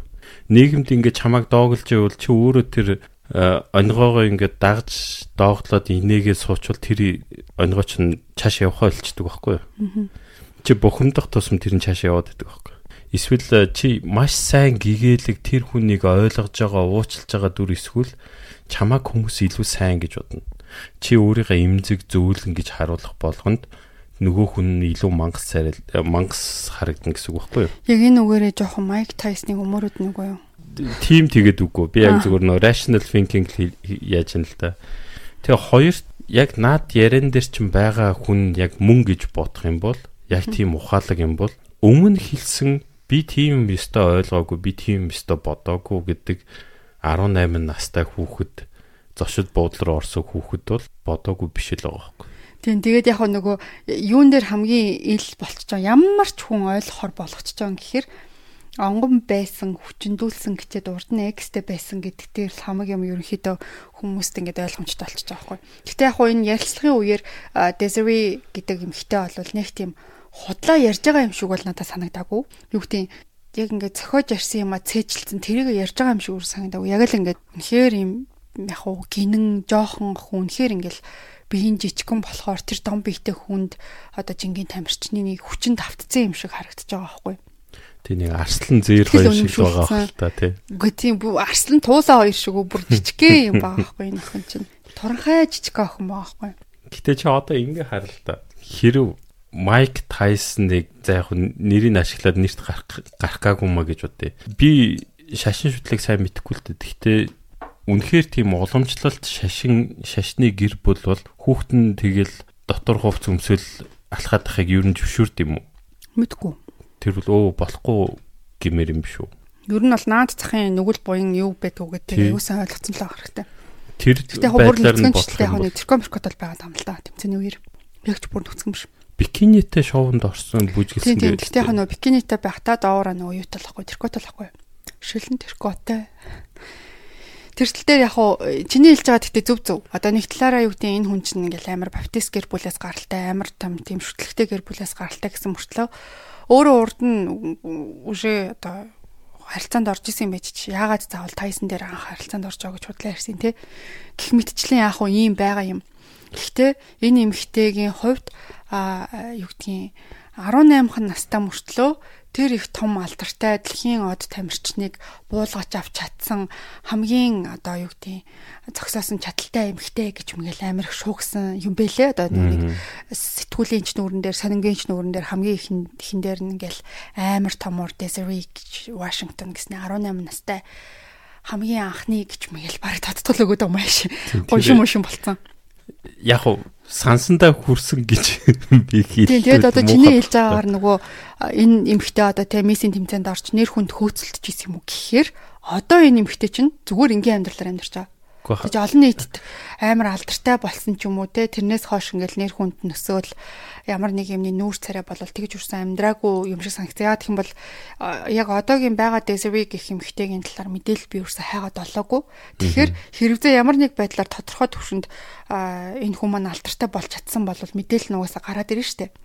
Тэгээ юу гэдгийг өөрөөс нь бас нөө саяны ярилцлаган дээр нь сурвалжлагч асууж ирсэн л та. Чи энэ талаараа ном бичих санал бодолтой байгаа юу? Эсвэл одоо ном биш юм а гэхэд нөгөө нэг одоо зүгээр юм бичвэр гэдэг шүү дээ тийм бичвэрийг бичих бодолтой байгаа юу гэсэн чинь үгүй. Надад тийм бодол ерөөсөө одоо байхгүй. Зөв би ингээл бүх хүнийг ингээл ярьсан. Одоо энэ хүний яг уу энэ хүний талд ороод байгаа бас шалтгааны нэгийг нь би юу гэж харсан гэхээр магадгүй 1900 онд 1800 онд ч гэсэн хүчингийн хэрэг гэж байсан уу байсан За тэгээ 90 онд ингээд энэ хүний хүчингийн хэрэг гэж байна уу байна. Одоо ч гэсэн байна уу байна. Олны танил хүн хүчинжсэн хэрэг зөндөө байдаг. Аа тэгэнгүүт ингэж олон жил үргэлжилж байгаа энэ нэг шийдэж чаддгүй асуудлыг зүгээр нэг энгийн эмхтэй хүн олны танил хүн хэрэг хүчинтгийг завдсан хүчинтсэн байх юм бол яаль чаддгийм шүү гэсэн амар том тийм мессежийг хожим хошидтой бас нэг өгсөн болов уу гэж харсан. Тий. Яг уу би шууд шударгаар хэлчихье. Майк Тайсон зүгээр тэр бомтон баян хүн байсан бол надад ерөөсөө огт хамаагүй. Зүгээр маш чухал боксчин дэлхийд одоо тухайн үед бол хүн чингийн одоо дивишн бол ер нь бол айгүй мяа болцсон байсан байхгүй юу? Тэгээ тэрийг хүл дээр нь босгосон мондаг агуу одоо хүмүүс үзэгчдийг үзэгчдийг татсан гэсэн үг шүү дээ. Аха. Бүх бүсийг 2хан жилийн дотор авсан тэр рекорд тим рекордтэй жилийн дотор дэлхийн авраг болсон амар амар рекорд ивцэн. Тийм тэрнээс гадна ч нөө нэг одоо бусад жингийн тамирчдаас илүү нөө хүнд чин чин хамгийн амар их хүмүүс үздэг те хамгийн том тулаан гэж явд юм хэлэн штэ. Одоо юу гэдэг 300 килээр зөхөх 400 килээр зөхөх. Йоо бүр тэгж ярьд юм уу? Бүр амар зөхдөг байхгүй юу? Oh my god.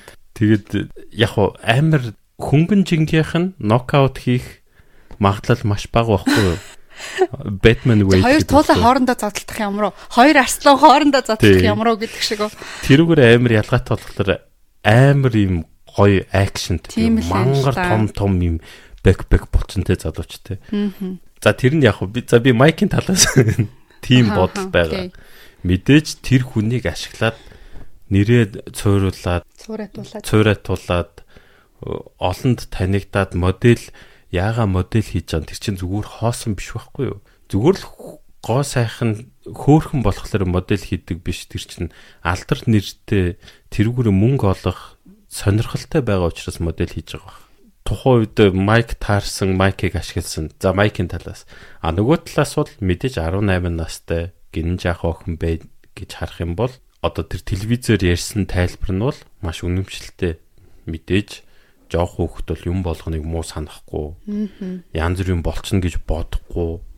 Ингээ айгуу гой гэгээлгээр харж болно те. Харамсалтай нь тэр хүн телевизээр ярьсан ярин чи яг махчлаад орчуулад өгсөн бол дэндүү төгс байлаа. Ерөнхийдөө бол нөгөө нэг ямар ч засаргүйгээр оруулсан. Тийм тэгвэл нэмээгүй. Хитрхи төгс байгаа байхгүй юу? Айгуу сайн ярьд юм билээ. Амар скрипт бичсэн. Тэгээд ямар ч гэсэн хүн толгоон тим төвшөнд ажиллаж байгаа бол тийм энгийн юмыг ойлгохгүй нэ гэж байхгүй. Чиний ярьдгаар 100 жилийн өмнө хүн хүчнэддэг байсан уу? Yes. Алтар нэртэй хүмүүс хүмүүсийг хүчнэддэг үү? Yes. Гэхдээ харамсалтай нь эсрэг тал руугаа бас ажилтдаг. Зүгээр л сайхан шоудаад зочид буудалд орчоод гарч ирээл хүчнэдсэн хүчнэдсэн гэдэг хэрэг маш их. Тийм. Тэгэл нэг одтой зүгээр ингээд э, one night stand хийцэн эмгтээчүүд яг тэрэн дээр намайг хүчнцэн гүнгод бусд нь бүгдээрээ дөрүүлээд намайг хүчнцэн гэж гарч ирээд маш их юу яа. Амар олон эмхтэй үнийг хүчнцэн юм шиг те. Одоо тэр нөгөө хиний хэрэг ба штэ. Крис Ву. Тэгээ хүчингийн хэрэг шоронд орсон маа штэ одоо. Нэгийг л хүчнцэн байж магадгүй жишээлбэл те. Тийм тэгэнгүүтээ ингээл хүчндүүлсэн эмхтэй ингээл шүгэл үлээлээ гэж мэгээд. Ер нь бол одоо ингээд ийм хүчингийн хэрэгүүдээс хараад хахад ийм заяа. Нэр төрд гарах гад хүчндүүлсэн юм шиг ярьж байгаа эмхтэйчүүд бол угаасаа байгаа а өөрт ашигтайгаар эргүүлэх гэдэг штэ. За нэрд гардггүй маа гэхэд за ер нь бол одоо юу гэдэг Аз толных би хүчндүүлсэн гэж царайгаа гаргадгүй. Тэгэхээр мөнгө хамгийн гол юм болчиход байгаа. Мөнгө авах гээд энэ чинь хэдэн мянган доллараар угаасан үнэлэхдэггүй хэдэн сая доллар явчих штэ. Тэнгүү тэр хүн нэг мөнгөтэй олж авч чадна. Хэрвээ ялах юм бол штэ.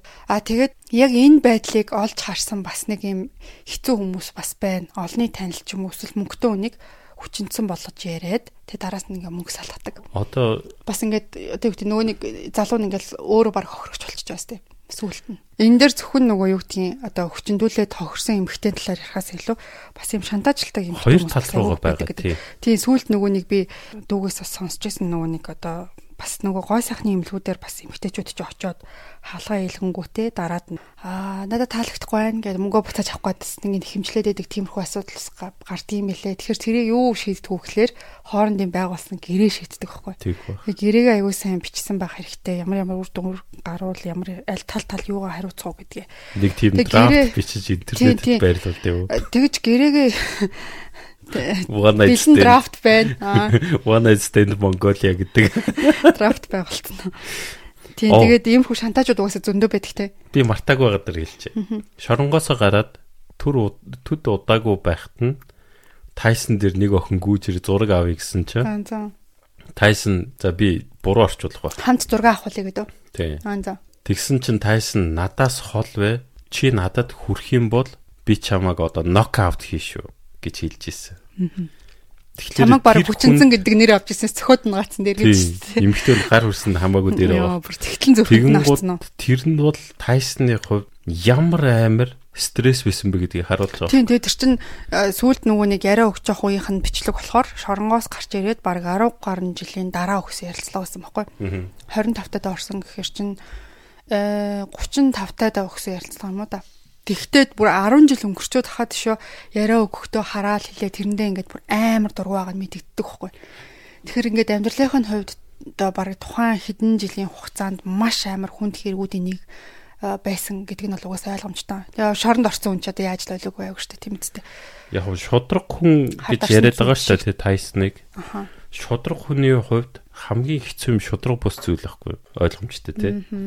Тэгэд өөрийн шудраг бусаар шоронд суулгасан нь шоронд сууснасаа илүү хэцүү байхгүй юу? Хийгээгүй эргийнхээ төлөө суух тийм. Тэрнээс гадна би болохоор энэ хоёр хүний ингээд яриаг хоёулангийн сонсоод за юу ярьж байгааг ингээд ажиглаад харахад бол надад зүгээр ингэж санагдсан. Майк Тайсон ч өөрөө ингээд амар том бихтэй юм хүнд 100 гаруй кг жинтэй гэж байгаа шүү дээ. Тэгэнгүүт ийм том бихтэй хүн 51 кг жинтэй тэр жижигхэн эмхтэйг яг хуу бэлгийн харилцаанд энэ хоёрч угаасаа орсон гэдэг хоёул хүлэн зөвшөөрсөн шүү дээ. Тэгэнгүүт Майк Тайсны хувьд зүгээр энгийн одоо харилцаа байсан чинь тэр нь болохоор энэ Desiree гэдэг эмхтэйд хүчин шиг санагдсан юм шиг байна. Иннээс өөр угаасаа яг бүр ингээд ерөөсөө хүчнтэйгүй юу гэвэл үгүй. Үгүй ерөөсөө харилцаанд ороогүй юу гэвэл үгүй. Орцсон. Хоёлоо хүлэн зөвшөөрсөн тийм үү? Тэгэнгүүт тэр нь ингээл нэг амар тийм хүч хэрэглэж байгаад ингээд харилцаанд орсон юм шиг санагдсан юм шиг байна. Тэгсэн чинь Майк Тайсны үгүй бит хоёр зүгээр л ингээл хоорондоо ярилцж байгаа л э, энэ эмхтэй Desiree ч гэсэн туртаал байсан штэ. Тэгээ сүулт нь л ингээл уйлж мөлөл сонирн болоодсэн болохоос биш гэдэг өнцгөөс харсан байгаа байхгүй. Түүнээсэж ерөөсөө огт харилцаанд орог байхад нь энэ хүүхэн намайг хүчинсэн гэж яриаггүй харилцаанд орцсон. Гэхдээ нэг жоохон доминант маягийн байсан ч тий одоо юу амар хөөх юм 90 оны Майк Тайсон шүү дээ. Тий 90 оны Майк Тайсон зүгээр хүү ингээд чамруу жоохон эвгүй арчих юм бол бараг алчих гээд ааштай хүн бохгүй юу? Харин тий ер нь бол амар их хэрэг түүхт орооцолтож байсан юм байна. Амар тийм харгас маягийн тий. Аа. Тэгэхээр чин тэр хүн ингээд жоох юм хааз өндөр хөвчүүлдэг. Нэгэнд галт тэрэг хөдөлсөн бол яаж зогсоох бэлээ гэж.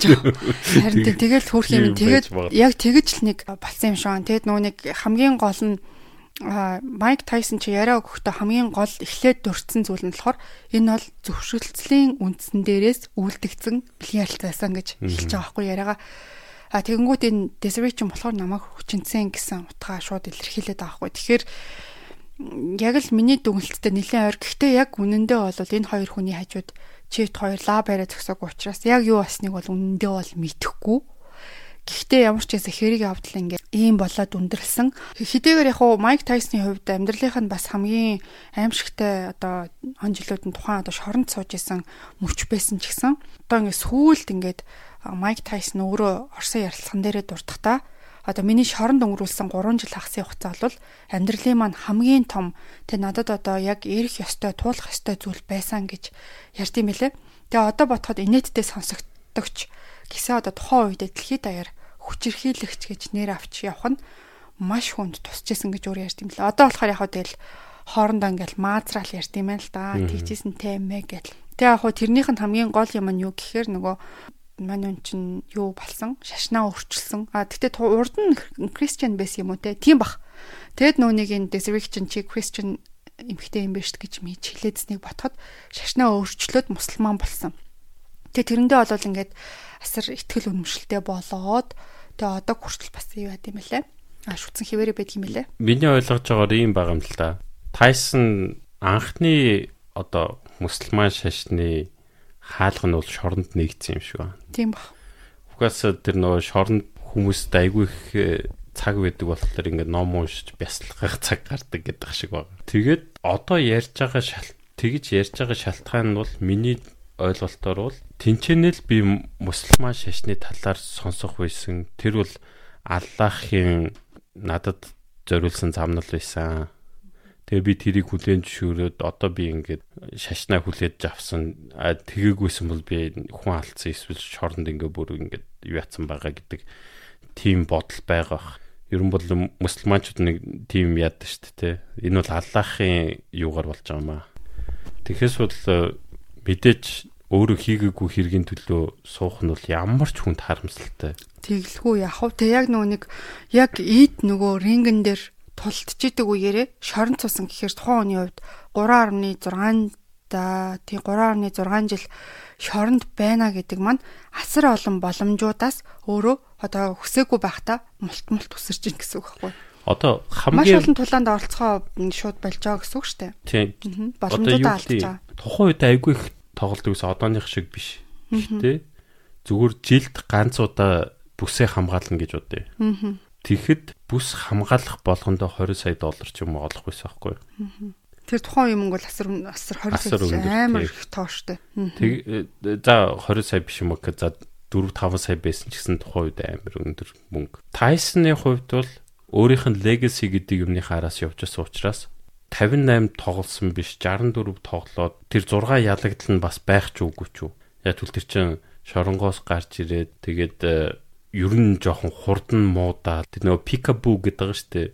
Тэр нь техник үсэн тий. Гараа эрүүн дээрээ барьчаад маш хурдан хоёр тишээ зайлж хагаад нөгөө ойрхоноос зохихгүй байхгүй. Яг түл Тайсны чан анх хүнд жингийн э, тамирчнаар менежерүүд юусоо тоож авахгүй байсан нь Тайсон дэндүү жижигхэн байна. Тий нөгөө өндрөөрөө бол намхан шүү дээ. Ихэнх өрсөлдөгчөөсөө толгоо намхан. Тий. Метр 78 гэдэг чинь надаас нэг жоохон л өндөр гэсэн үг байхгүй юу? Тийм. Тэгэхээр тийм Тайсон Европт бол өндөртөө орохгүй тий. Орохгүй. Ахаа. Гэхдээ 100 килтэй тэг метр 78 тий. Харин тий өргөөшүүл гэж 100 кил булчин байсан. Харин тий. Майк Тайсныг нөө 2005 онд албан ёсоор зодог тайлж яг гоо тэтвэртэй гарсан тэр гэлжсэн. Спортын юунд бол тэгдэл хэл та. Тэг зодог тайлна. Тийм тийм яг тэгсээр ретайрд гэсэн байсан байхгүй. Тэгээд аа нөгөө э, юу гэдэг спортын болон одоо юуны цэргийн нас ч арай нөгөө залуу үн тэтвэртэн гаргачдаг шүү дээ. Одоо зодгоод ингээд тайлсан байлээ. За тэгээд э, юу гэдгийг бас миний хувьд бол ингэсэн. За мэдээж та саяны холбогдсон энэ одоо хүчингийн хэрэг бол яалтчгүй бас айгүй том тийм скандал маш том одоо шууган тарж исэн мэдээлэлсэн ч гэсэн энэ хүний өөрийнх нь ингээд хувийн амьдралын замнал бүр амар сонирхолтойсэн. Яг ингээд кино үзэж байгаа юм шиг хүү тэгс юм уу ингэс юм бол бүр баг байхаасаа эхлээл ерөөсөө л ингээд амьдрал нь тэр чигтээ кино шиг явцсан. Тийм одоо Тайсны амьдралаас бол маш олон юм сурч болохоор байгаа тийм. Хамгийн гол дамжуулах гээд байгаа мессеж нь одоо амьдрал нь дамжуулах гээд байгаа мессеж нь зөвхөн чиний шийдвэр биш, чиний хажууд байгаа хүмүүс маш том нөлөөтэй гэдгийг харуулж байгаа. Yes одоо Бруклинд үсчихсэн дандаа ганг мемберүүдийн хажуудаас маш их хэрэг тарьдаг байсан. Тийм одоо бүр муу хүн болох бүр бүхэл бүтэн орчин биш шүү дээ. Тэгэхээр тэр дундаас гарч ирсэн гэхээр бас Тэгээд маш сайн family guy, маш сайн дашгалжуулагч, маш тийм нөгөө хатуу одоо принципл өндөртэй тий. Тэгэд энэ одоо нөгөө нэг э, юу яагаад байгаа штэ өөрөө одоо ингээд 3 жилийн э, шорон цуусан одоо тухайн үйл явдал бол одоо миний амьдралд ингээд айгу тийм тэгээд туулах хэвээр зүйл мэн байсан гэж одоо боддог гэж яриадсан штэ энэ нь одоо магадгүй тухайн амар их гэмтэрт орооцолт бол ингээд даруйж явсан үеийг нь нэг айгу том тийм дарах тийм хөшөөрөг болж өгсөн юм шүү. Yes. Тийм тэгэхгүй бол энэ хүн чинь нөгөө хүний чих хатсан байгаа тий. Тэрнийхэн талаар нэр яриач. Хүний чих тасцсан ч гэлээ би бүр ёо яваа амар юм бэ. Тэгээ тулааныхаа үеэр шүү дээ. Тий. Би эхнийхээ санаагаа дуусгач уу. Аа. Тэгээ яг хуу ерөнхийдөө хүмүүс ойлгоцсон баг те. Хүний амьдралыг хиний хинтээ нийлэх нь. Тэгэхээр э, энэ бол хүмүүст бол маш том сургамж баг. Чамд хаана эвтэйхэн байна чи тэнцэнэ үлддэг хүн бол. Аа. Тэ. Гэтэ чи зөв газараа байна уу гэдгээ үргэлж ойлгох ёстой. Зөв хүмүүстэй. Нэг иймэрхүү мессеж. А тэр чих хацдаг чинь 96 онд Tyson Holyfield гэдэг маш агуу боксчнтэй. Одоо тэр үеийн Fraser Holyfield хин хин байдیں۔ Маш одлон бүр хүнд жингэх бол бүр суперстаруудаар дүүрсэн байх үе гол өрсөлдөгчнээс аахгүй. Тэгээ 96 онд тоглоод Evander Holyfield-ыг дийлж чадахгүй нөгөөдг нь амар хатуу бийтэй. Ерөөсө нокаут хийж чадахгүй. Зөхөж яах Оноо авах гэхэлэр нөгөөдгийнх нь техник нь амар сайн байгаад идэг. Тайсон амар удаан болцоо. Одоо яг спорт сонирхогчд ойлгох байх л та толгойнхаа хөдөлгөөн, хөлнийхэн хөдөлгөөн бүр ингээ удаан болцсон. Тэр нэг хитгэн доол байхад л үжээ удаан орчдөг те. Нөгөө байранда зөв цагтаа очиж чадахгүй ч юм уу те. Тиймэрхүү болцоохгүй. Тэгээд рематч хийн гэд 97 онд цэн чи 97 онд амар бэлтгэсэн гэж байгаа. Ялахын тулд. Тий, Тайсон ч ингээд бүр бэлтгэлтэй баг очихгүй байжгаад Холлерфилдээс өмнө ингээд нэлээд сайн бэлтэж чадаагүй тэг бүтэн жил бэлдээд 97 онд ахаа тогсон ч ахаад өөдөөс нь юу ч хийж чадахгүй. Тэгүн гоо шарандаа чихнээс нь хазаад. Йоо. Тэгсэн чи чихийн арай таслаагүй байгаа. Тэр одоо зөв нэг хэсэг тас тас ингээд татсан гэж. Үгүй ингээ хазаад нэлээ нэмгэлцсэн юм шиг байна. Тэгээ дараа нь ахаад ингээд нөгөө боксчд ч нөгөө хитрхи ойртчлаар ингээд тэрчдэг байхгүй. Зурлцдаг за. Ягаад тэрдэг вэ гэхээр одоо нөгөө surprise зохилт гарахгүй тул тээ. Тэвнгууд ахаад тэгээ тэргэлдэн гоо чихнээс наад чихнийхээ нэг одоо энэ гаднах энэ хүнхэр хэсгийг чи юу гэдэг. Зөөлөн за мөгөөрс хэсэг нь. За мөгөөрс хэсэг. Зөөгөө чихчин тэр чихтэй баг мөгөөрс хэсэгтэй. За гадны энэ дэлбээ хэсэг юм байна те. Тий, дэлбээнийх яг гаднах юм нуграа дотор шогоо ингээд нүүрлугоо ингээд нуурчдаг штэ. Аха. Бөхчтэй уучлаарай. Тэр хэсгийг. Тэрийг ингээ хацаа таслаа ичдэг байхгүй. Зэн чил Холлерфилд ингээл чихээ барьж өсрэл миний чихийг буцаад өг гэж өсрөөд идэх байхгүй дивжэн дээр. Тэгээд Тайсон чин 97 оноос 99 он хүртэл disqualified.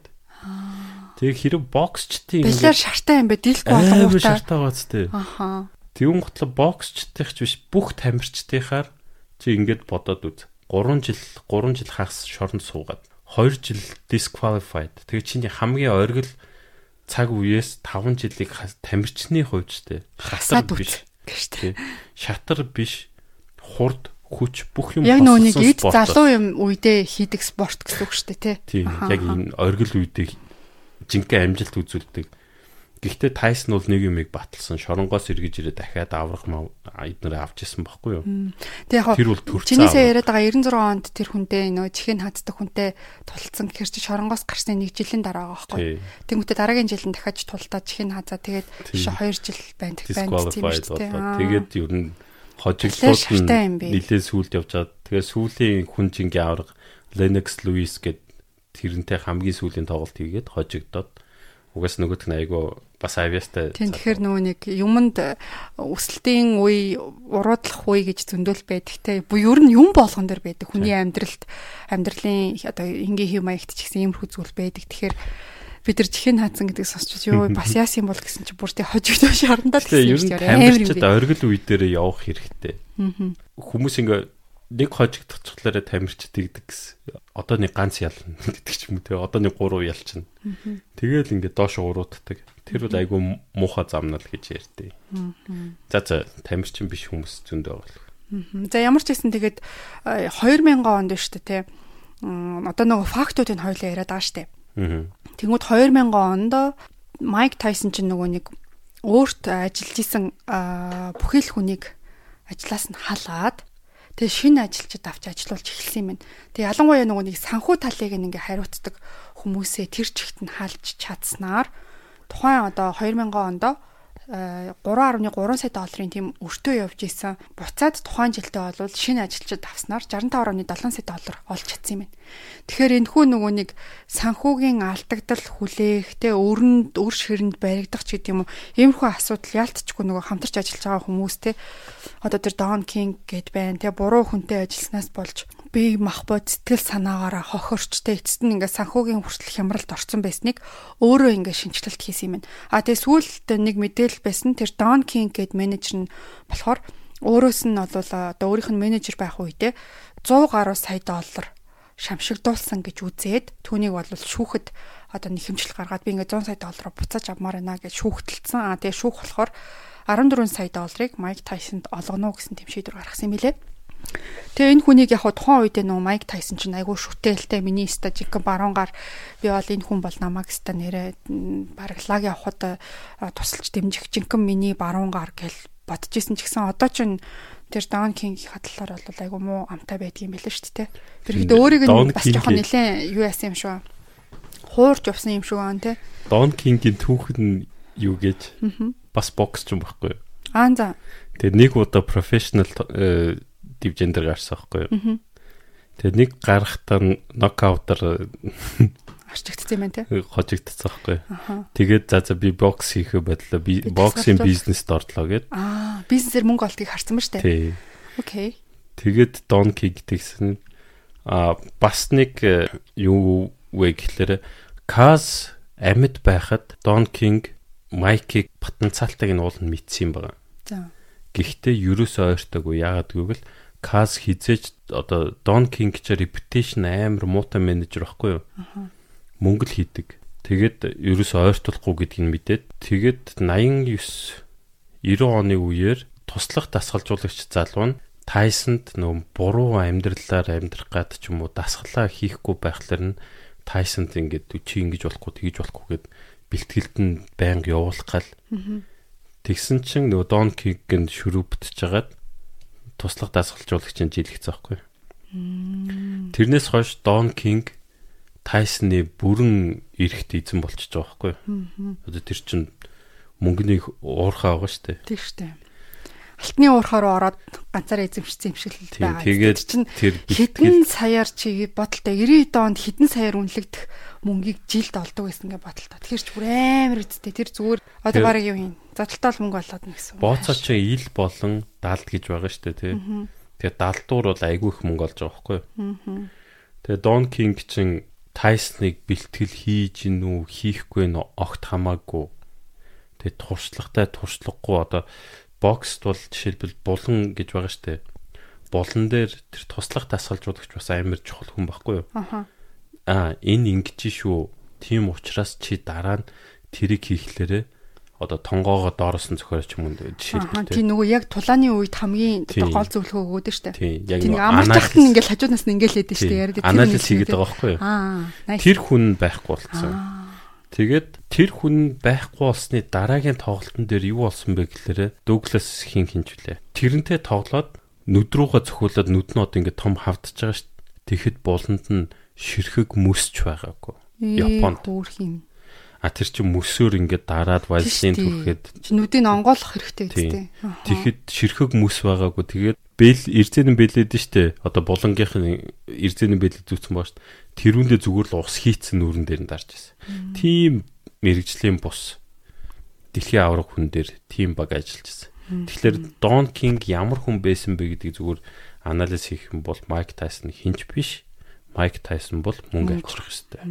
Тэгээ 91 онд Mike-ийг зүгээр тахлага өргөж жагаад Mike намайг сонсохгүй шоудал өдөр шөнөгүй яваад хэрэг тариад надад төв болж байна. Энийг шоронд хий шоронд орох гэж яхад нь за за окей явуулчих явуулчих. Тийм байх. Тийм тэгсэн байж магадгүй. Тэгээд энэ бол миний нөгөө тамирчинд хайртай юу анализ явж байгаа та. За тэгэд юу яа? бас нэг юу болсон гэхлээр эн чинь байнгын хэрэг төвт орооцолдож идэв штэ. Тэгээ 2007 онд болохоор Майк Тайсон мансууруулах бодис эзэмшсэн гэхлээр өөрийн биедээ авч явж исэн гэсэн үг. А мөн мансуурсан үедээ жолоо барьсан гэх зэргээр бол Аризонагийн шүүхэд дуудагдаж энэ дээрээ ч гэсэн өөрөө хэрэгээ хүлээж исэн юм байна. Тэгэхээр энэ хүн түрүүнд бас ярьжсэн яг ингээл үнэхээр болохгүй юм байх юм бол миний буруу гэд хүлэн зөвшөөрдөг нэггээр харагдчихаа. Тэгээ өөрөө ярихтаа болохоор би ингээл маа нэг найз харин дуудаад би тэгэд гэрт нь ингээ пари болж ин гэхээр нь очиод тэндээ жоохон ууцсан байжаад өөрөө ингээ буцахтаа жоохон согтуу машин барай явцсан маа тинт ингээл өөрөө хэрэгээ хүлээжсэн. Тэгэд энэ дээр нь болохоор жишээлх нь Майк Тайсонд нэг өдөр шоронд суух ял оноож байгаа байхгүй. Тэнгүүтээ ингээд 360 цаг одоо нөгөө нийтийн ажил хийлэгдэг болоо. Тэгээ 2500 долларын торгуулч. Тий ямар ч сан тэгэл ингээд ерөнхийдөө ингээд үүрэх хэстэй юм өөрөө үүрэл би буруутай байсан гэж хүлэн зөвшөөрөл явд юм лээ. Аа тэгээд энэс гадна нөгөө нэг 2021 онд одоогоос бараг 2 жил үү 1 2 жилийн өмнө нөгөө хуулуу гэд байдаг штэ. Хуулуу дээр болохоор Майк гэд нэртэй бодит амьдралаас сэтүүлсэн кино гарсан юм байна. Би түрүү яагаад нөгөө тактаны түгийг бас мэдчихэв нүг гэхээр нөгөө а энэ Майк гэд кинон дээр нь одоо боксing нөгөө Бэли гэдэг штэ. Тэр Бэлийн дээр нь нэг юм тагтаа нисэж байгаагаар үзүүлсэн тийм нөгөө юутайсан байхгүй постэр зурагтайсан байхгүй. Тэгээ Майк гэд зураг гэдэг лөө. Тийм цагаан саарл үнгийн тагтаа ингэ ниссэн байгаагаар тэгээ Майк гэж бичсэн. За тэгээ тийм одоо сервис гарсан юм байна. За тэгээ Майк энэ киног бүтээгт нь баг ингээд юу гэдэг тухайн хүнээс өөрөөс нь тэр хүний түүхээр ингээд кино хийчихэж байгаа дээ. Гэсэн мөрчлөө хуулаа өөрөөс нь бүр ингээд зөвшөөрлж аваагүй тэгээ өөрөө ингээд хэлэхдээ хуулаа бол миний түүхийг хулгайлсан. Хин нэгэн дуудлага худалдаагаар зарж болдог зүйл нь миний амьдралын түүх бишээ гэж өөрөө ярьсан мэлээ. Тэгээ одоо юу гэдгийг энэ хүний амьдрал угаасаа кино шиг байгаа. Энэ хүний амьдралаар кино бүтээхгүй байх юм угаасаа аргагүй л дээ. Гэхдээ хэний ч амьдралыг зөвшөөрлгүйгээр а тэгээ бүр амьд байгаа хүнээс асуулгүйгээр кино хийж гин гэдэг нь айгу буруу байгаа байхгүй. Тэгээ энэ дээр болохоор нөгөө а одоо Майк Тайсон бүр ингээ сохор зоосч өгөөгүйгээс гадна UFC-гийн холбоотой одоо UFC-гийн ерөнхийлөгч гэж байдаг юм байна. Тэгээ тэр хүнтэй нь бүр ингээд ярилцаж Dana White. Тийм, Dana White гэд хүнээс ингээд ярилцаад тэрнтэй ингээд зөвшөлдсөний үндсэн дээр юу яасан. Энэ киног ингээд бүтээсэн гэдгийм бийлээ. А тэгээ тэр Dana White нь болохоор яг уу Майк Тайсны айгуу сайн найз нь гэж явдаг ч гэсэн одоо баг ингээл маа найз юм чин зүгээр хаа энэ төр гэл Майк Тайсныг ярьсан юм шүү. Тэгсэн чи эцэстээ болохоор Майк Тайсон үгүй миний амьдралыг ингээл хаа сайгүй ингээд миний зөвшөөрлөхгүй миний ямарч надаас асуугаачгүй одоо миний амьдралыг надаас өрх юм мэдх юм бэ тийм бицтэй. А биччихэн гэх юм бол тэрий чин сошиал орчин мэдээллийн сэтгүүлчд бичиж байгаа учраас миний амьдралыг надаас өрх юм ч мэдгүй тэ асуугаагүй учраас зөвшөөрлөхгүй ингээд ашигласан гэдэг утгаар нь хуулаг бол Тайсон шүүхэд өгсөн юм байна. За тэгээд Майк Тайсон бол анх дурч ирсэн одоо бол 57 настай. А тэгээд Лас Вегаст амьдарч байгаа. А тэгтээ нөө юу гурван эзэмшлийн тийм байшинтай байлаа энэ тэнд. Тийм тэгээ яг одоо яг нөө суурин байгаа нь бол Лас Вегас юм байлаа. Тэгэд нийтдээ бол 3 их нартай байсан. Аа тэгээд 3 их нараас бол 7 хүүхэдтэй. Одоогийнх нь хамт амьдардаг их нэрийг нь бол Лакиха Спайсер гэдэг. Тайснаас 11 насаар дүү. За энэ сүүлийн их нэртэйгээ суугаад л 2 хүүхэдтэй болсон юм. За тэгээ ерөнхийдөө бит хоёрын хоёр талаас цуглуулсан мэдээллүүд гэх юм бол юм байна. Ярианы ихэнд бол дурдсанчлан одоо Look TV-гийн премиум багцыг нь идэвхжүүлээд Тэгээд премиум багтд нь байгаа ямар ч киног үзсэн бай. Токио руу явах 5 хүний нэг болох боломж танд нээгдэж байгаа юм байна. А тэгээ киногоо үзэл хосоор одоо Токио явах боломжийг олгож байгаа. Тэгээ урамшуул нь бол 12 сарын 26-ныг хүртэл хүчинтэй.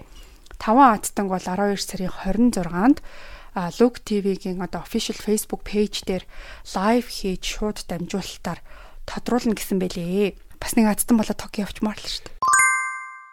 За өнөөдрийн ярьсан хэрэгээр бит хоёр хин нэгний талд орж ч юм уу те. Гэхдээ яг ингээд сүулт дүгнэлт болгоод ярихад бол яг хуу яг л нөгөө нэг миний хэлжсэн дүгнэлт над миний хувьд л айгүй нэлээд ойр төхөн байгаа давх түнс яг би 100% Desiree-гийн талд ч юм уу 100% Mike-ийн талд гэхээс илүү зөвөр яг болсон үйл явц нь тийм жоохон хоёрдмолж болцсон юм уу даа л гэж харсан. Тэгээ дараа дараагийнхаа гарч ирэх тэр нэг хүчингийн хэрэг одоо ч гэсэн ер нь бол байнга шахуу яригдчихэдэг сошиал дээр байнга одоо хилцчихжийдэг асуудлын нэг бол яалтчгүй энэ хүчрхийллийн хэрэг байгаа. Harvey Stern лөө. Harvey Weinstein уу? Harvey Weinstein. Тэр жишээлбэл аа тэр бол бүр алтартай штэ. Тэр бол жишээлх нь бол яг авах хөстэй байлаа аваад чорондоо хатах хөстөөр хатах хөстөө. Хүчрхийллийн машин байгаа байхгүй тэр. Хүчрхийллийн бүр хаана уу? Тэр чинь амар одууттай. Тэгэхээр мэдээж бид нэр ингээд дүгнэхтэй айл ал талын нь бол ойлгох хэрэгтэй. Хин майк хийсэн ч байж магадгүй хийгээгүй ч байж магадгүй. Дэзерийг үнэхээр гин цайлхан байж болно. Мэдээж олон ном уншаад ухаалаг э, юм ярьж чадна. Гэхдээ яг нөгөө тухайн үед гармон тоосон гэж хэлэх нь цаашин. Гэхдээ юм сайхан зүйлийг бодож тэр буудлын руу явсан ч гэж болно те. Тэрийг бол хинж үгүйсэхгүй. Бит хоёр бол альж талын бариагүй. Тэр нэг ой нэрхтээ ингэжлээ гэжлээ. Гэтэ ер нь л яг нэг хувь хүний өнцгөөсөө ярьж байгаа болохоос тийш одоо хин нэгний санааг хувирах гал сонсож байгаа хүний бодлыг нь өөрчлөх гээд энэ зүйлийг яриаггүй гэдэг юугаас хүмүүс баг ойлгож байгаа. Тийм чи ер нь бол гайгүй. Аа тэгээд дээрэс нь нэмж хэлэхэд олны танил ямар нэг хүн байлаа гэж бодъё. Тэгэнгүүт энэ дээр одоо цагт бүр ялангуяа хэвлэл мэдээллээр буруу мэдээлэл цацнаас олж зүв зүгээр байсан хүнийг хүчингийн хэрэгт буруутгачдаг. Аа. Тэ олны танил хин нэгэн байлаа гэж бодоход. За тэгэнгүүт ингээл одоо юу гэдгийг өчигдөр нь амар шүтчихсэн маргааш нь гинт амар муухан болол муулаад эхэлдэг тийм үү. Хүмүүсийн энэ нэг ихтгэл үнэмшилтээр ингэж тоглож сэтгүүлчд анхаарлыг татахын тулд буруу мэдээлэл өгснөөс олж тэр хүн насаараа ингээд айгүй харт холбоотой болчдөг. Тэгээд дараад нь ингээд одоо юу яадаг гэж аа. Одоо мэдээллийн сайтууд ингэдэг гэж аа. Эхлээл амар том сенсацтай мэдээ цацчихгонгууд нөгөөдхийн хүмүүс ингээл та төмөө олон хүн чирлэл за нөгөө нэг нөгөө алтартай дуучин эсвэл нөгөө алтартай жүжигчин чинь тэгсэн гэж байна. Тин тин тэр тэр хүчинцэн гэж юм зү нэрээ өөрөө эмхтэн шүгэл үлээсэн байна гэл. Тэнгүүд дараад нь ингээ факт чек хийн штэ тэ. Тэгсэн яг үндэ ингээл хүчинтэйгүү болж таарад. А тэгээ тэрийн засварлахтаа айгүй жижигхэн юм мэдээлэл болго гаргачдаг. Засварлал одоо ингээд юу гэдэг одоо уучлаарайч гэдэг юм уу те нэг тийм редакцийн зүгээс. Тэгээ тэрийг нь болохоор хүмүүс олж хартгүй гинэ. Тэрийг нь шеэрлсэн ч юм уу тэрийг нөгөө сенсац ингээм амар тарж ах үед амар бүүн байжсэн аа.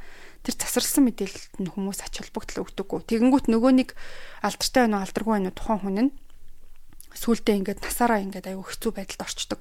Тэгэхээр өөрөө ингээд нэр алдартай байх нь араасаа бас аюу тийм том эрсдлийг дагуулж идэг гэдэг нээс харагдаж байгаа те. Ер нь хүнийг шүтчихвэл тэрний муу мэдээд итгэхээс илүүтэйгээр эсвэл бүр өөрөөр ялгах хэрэгтэй. Хувь хүн мэрэгжлийн онцлог хоёр те. Тэрүүгээр нь юу н ялгаа сурчвал арай стресс багтай байхаа. Аа. Одоо бокс чинь гой тоглож ивэл тоглолтын л үз те. Тэрний амьдралдаа муу юм хийсэн эсвэл өнөөгүйг нь мэдхгүй ээжж тэр хүнийг үцгээ болно, сонсгоо болно гэхгүйгээр үздгээр үзэл. Гэтэ амьдралын битээд байгаа Тэгвэл та нарын амьдрал илүү стресс багтай. Нэг тиймэрхүү зөвлөгөө өгье.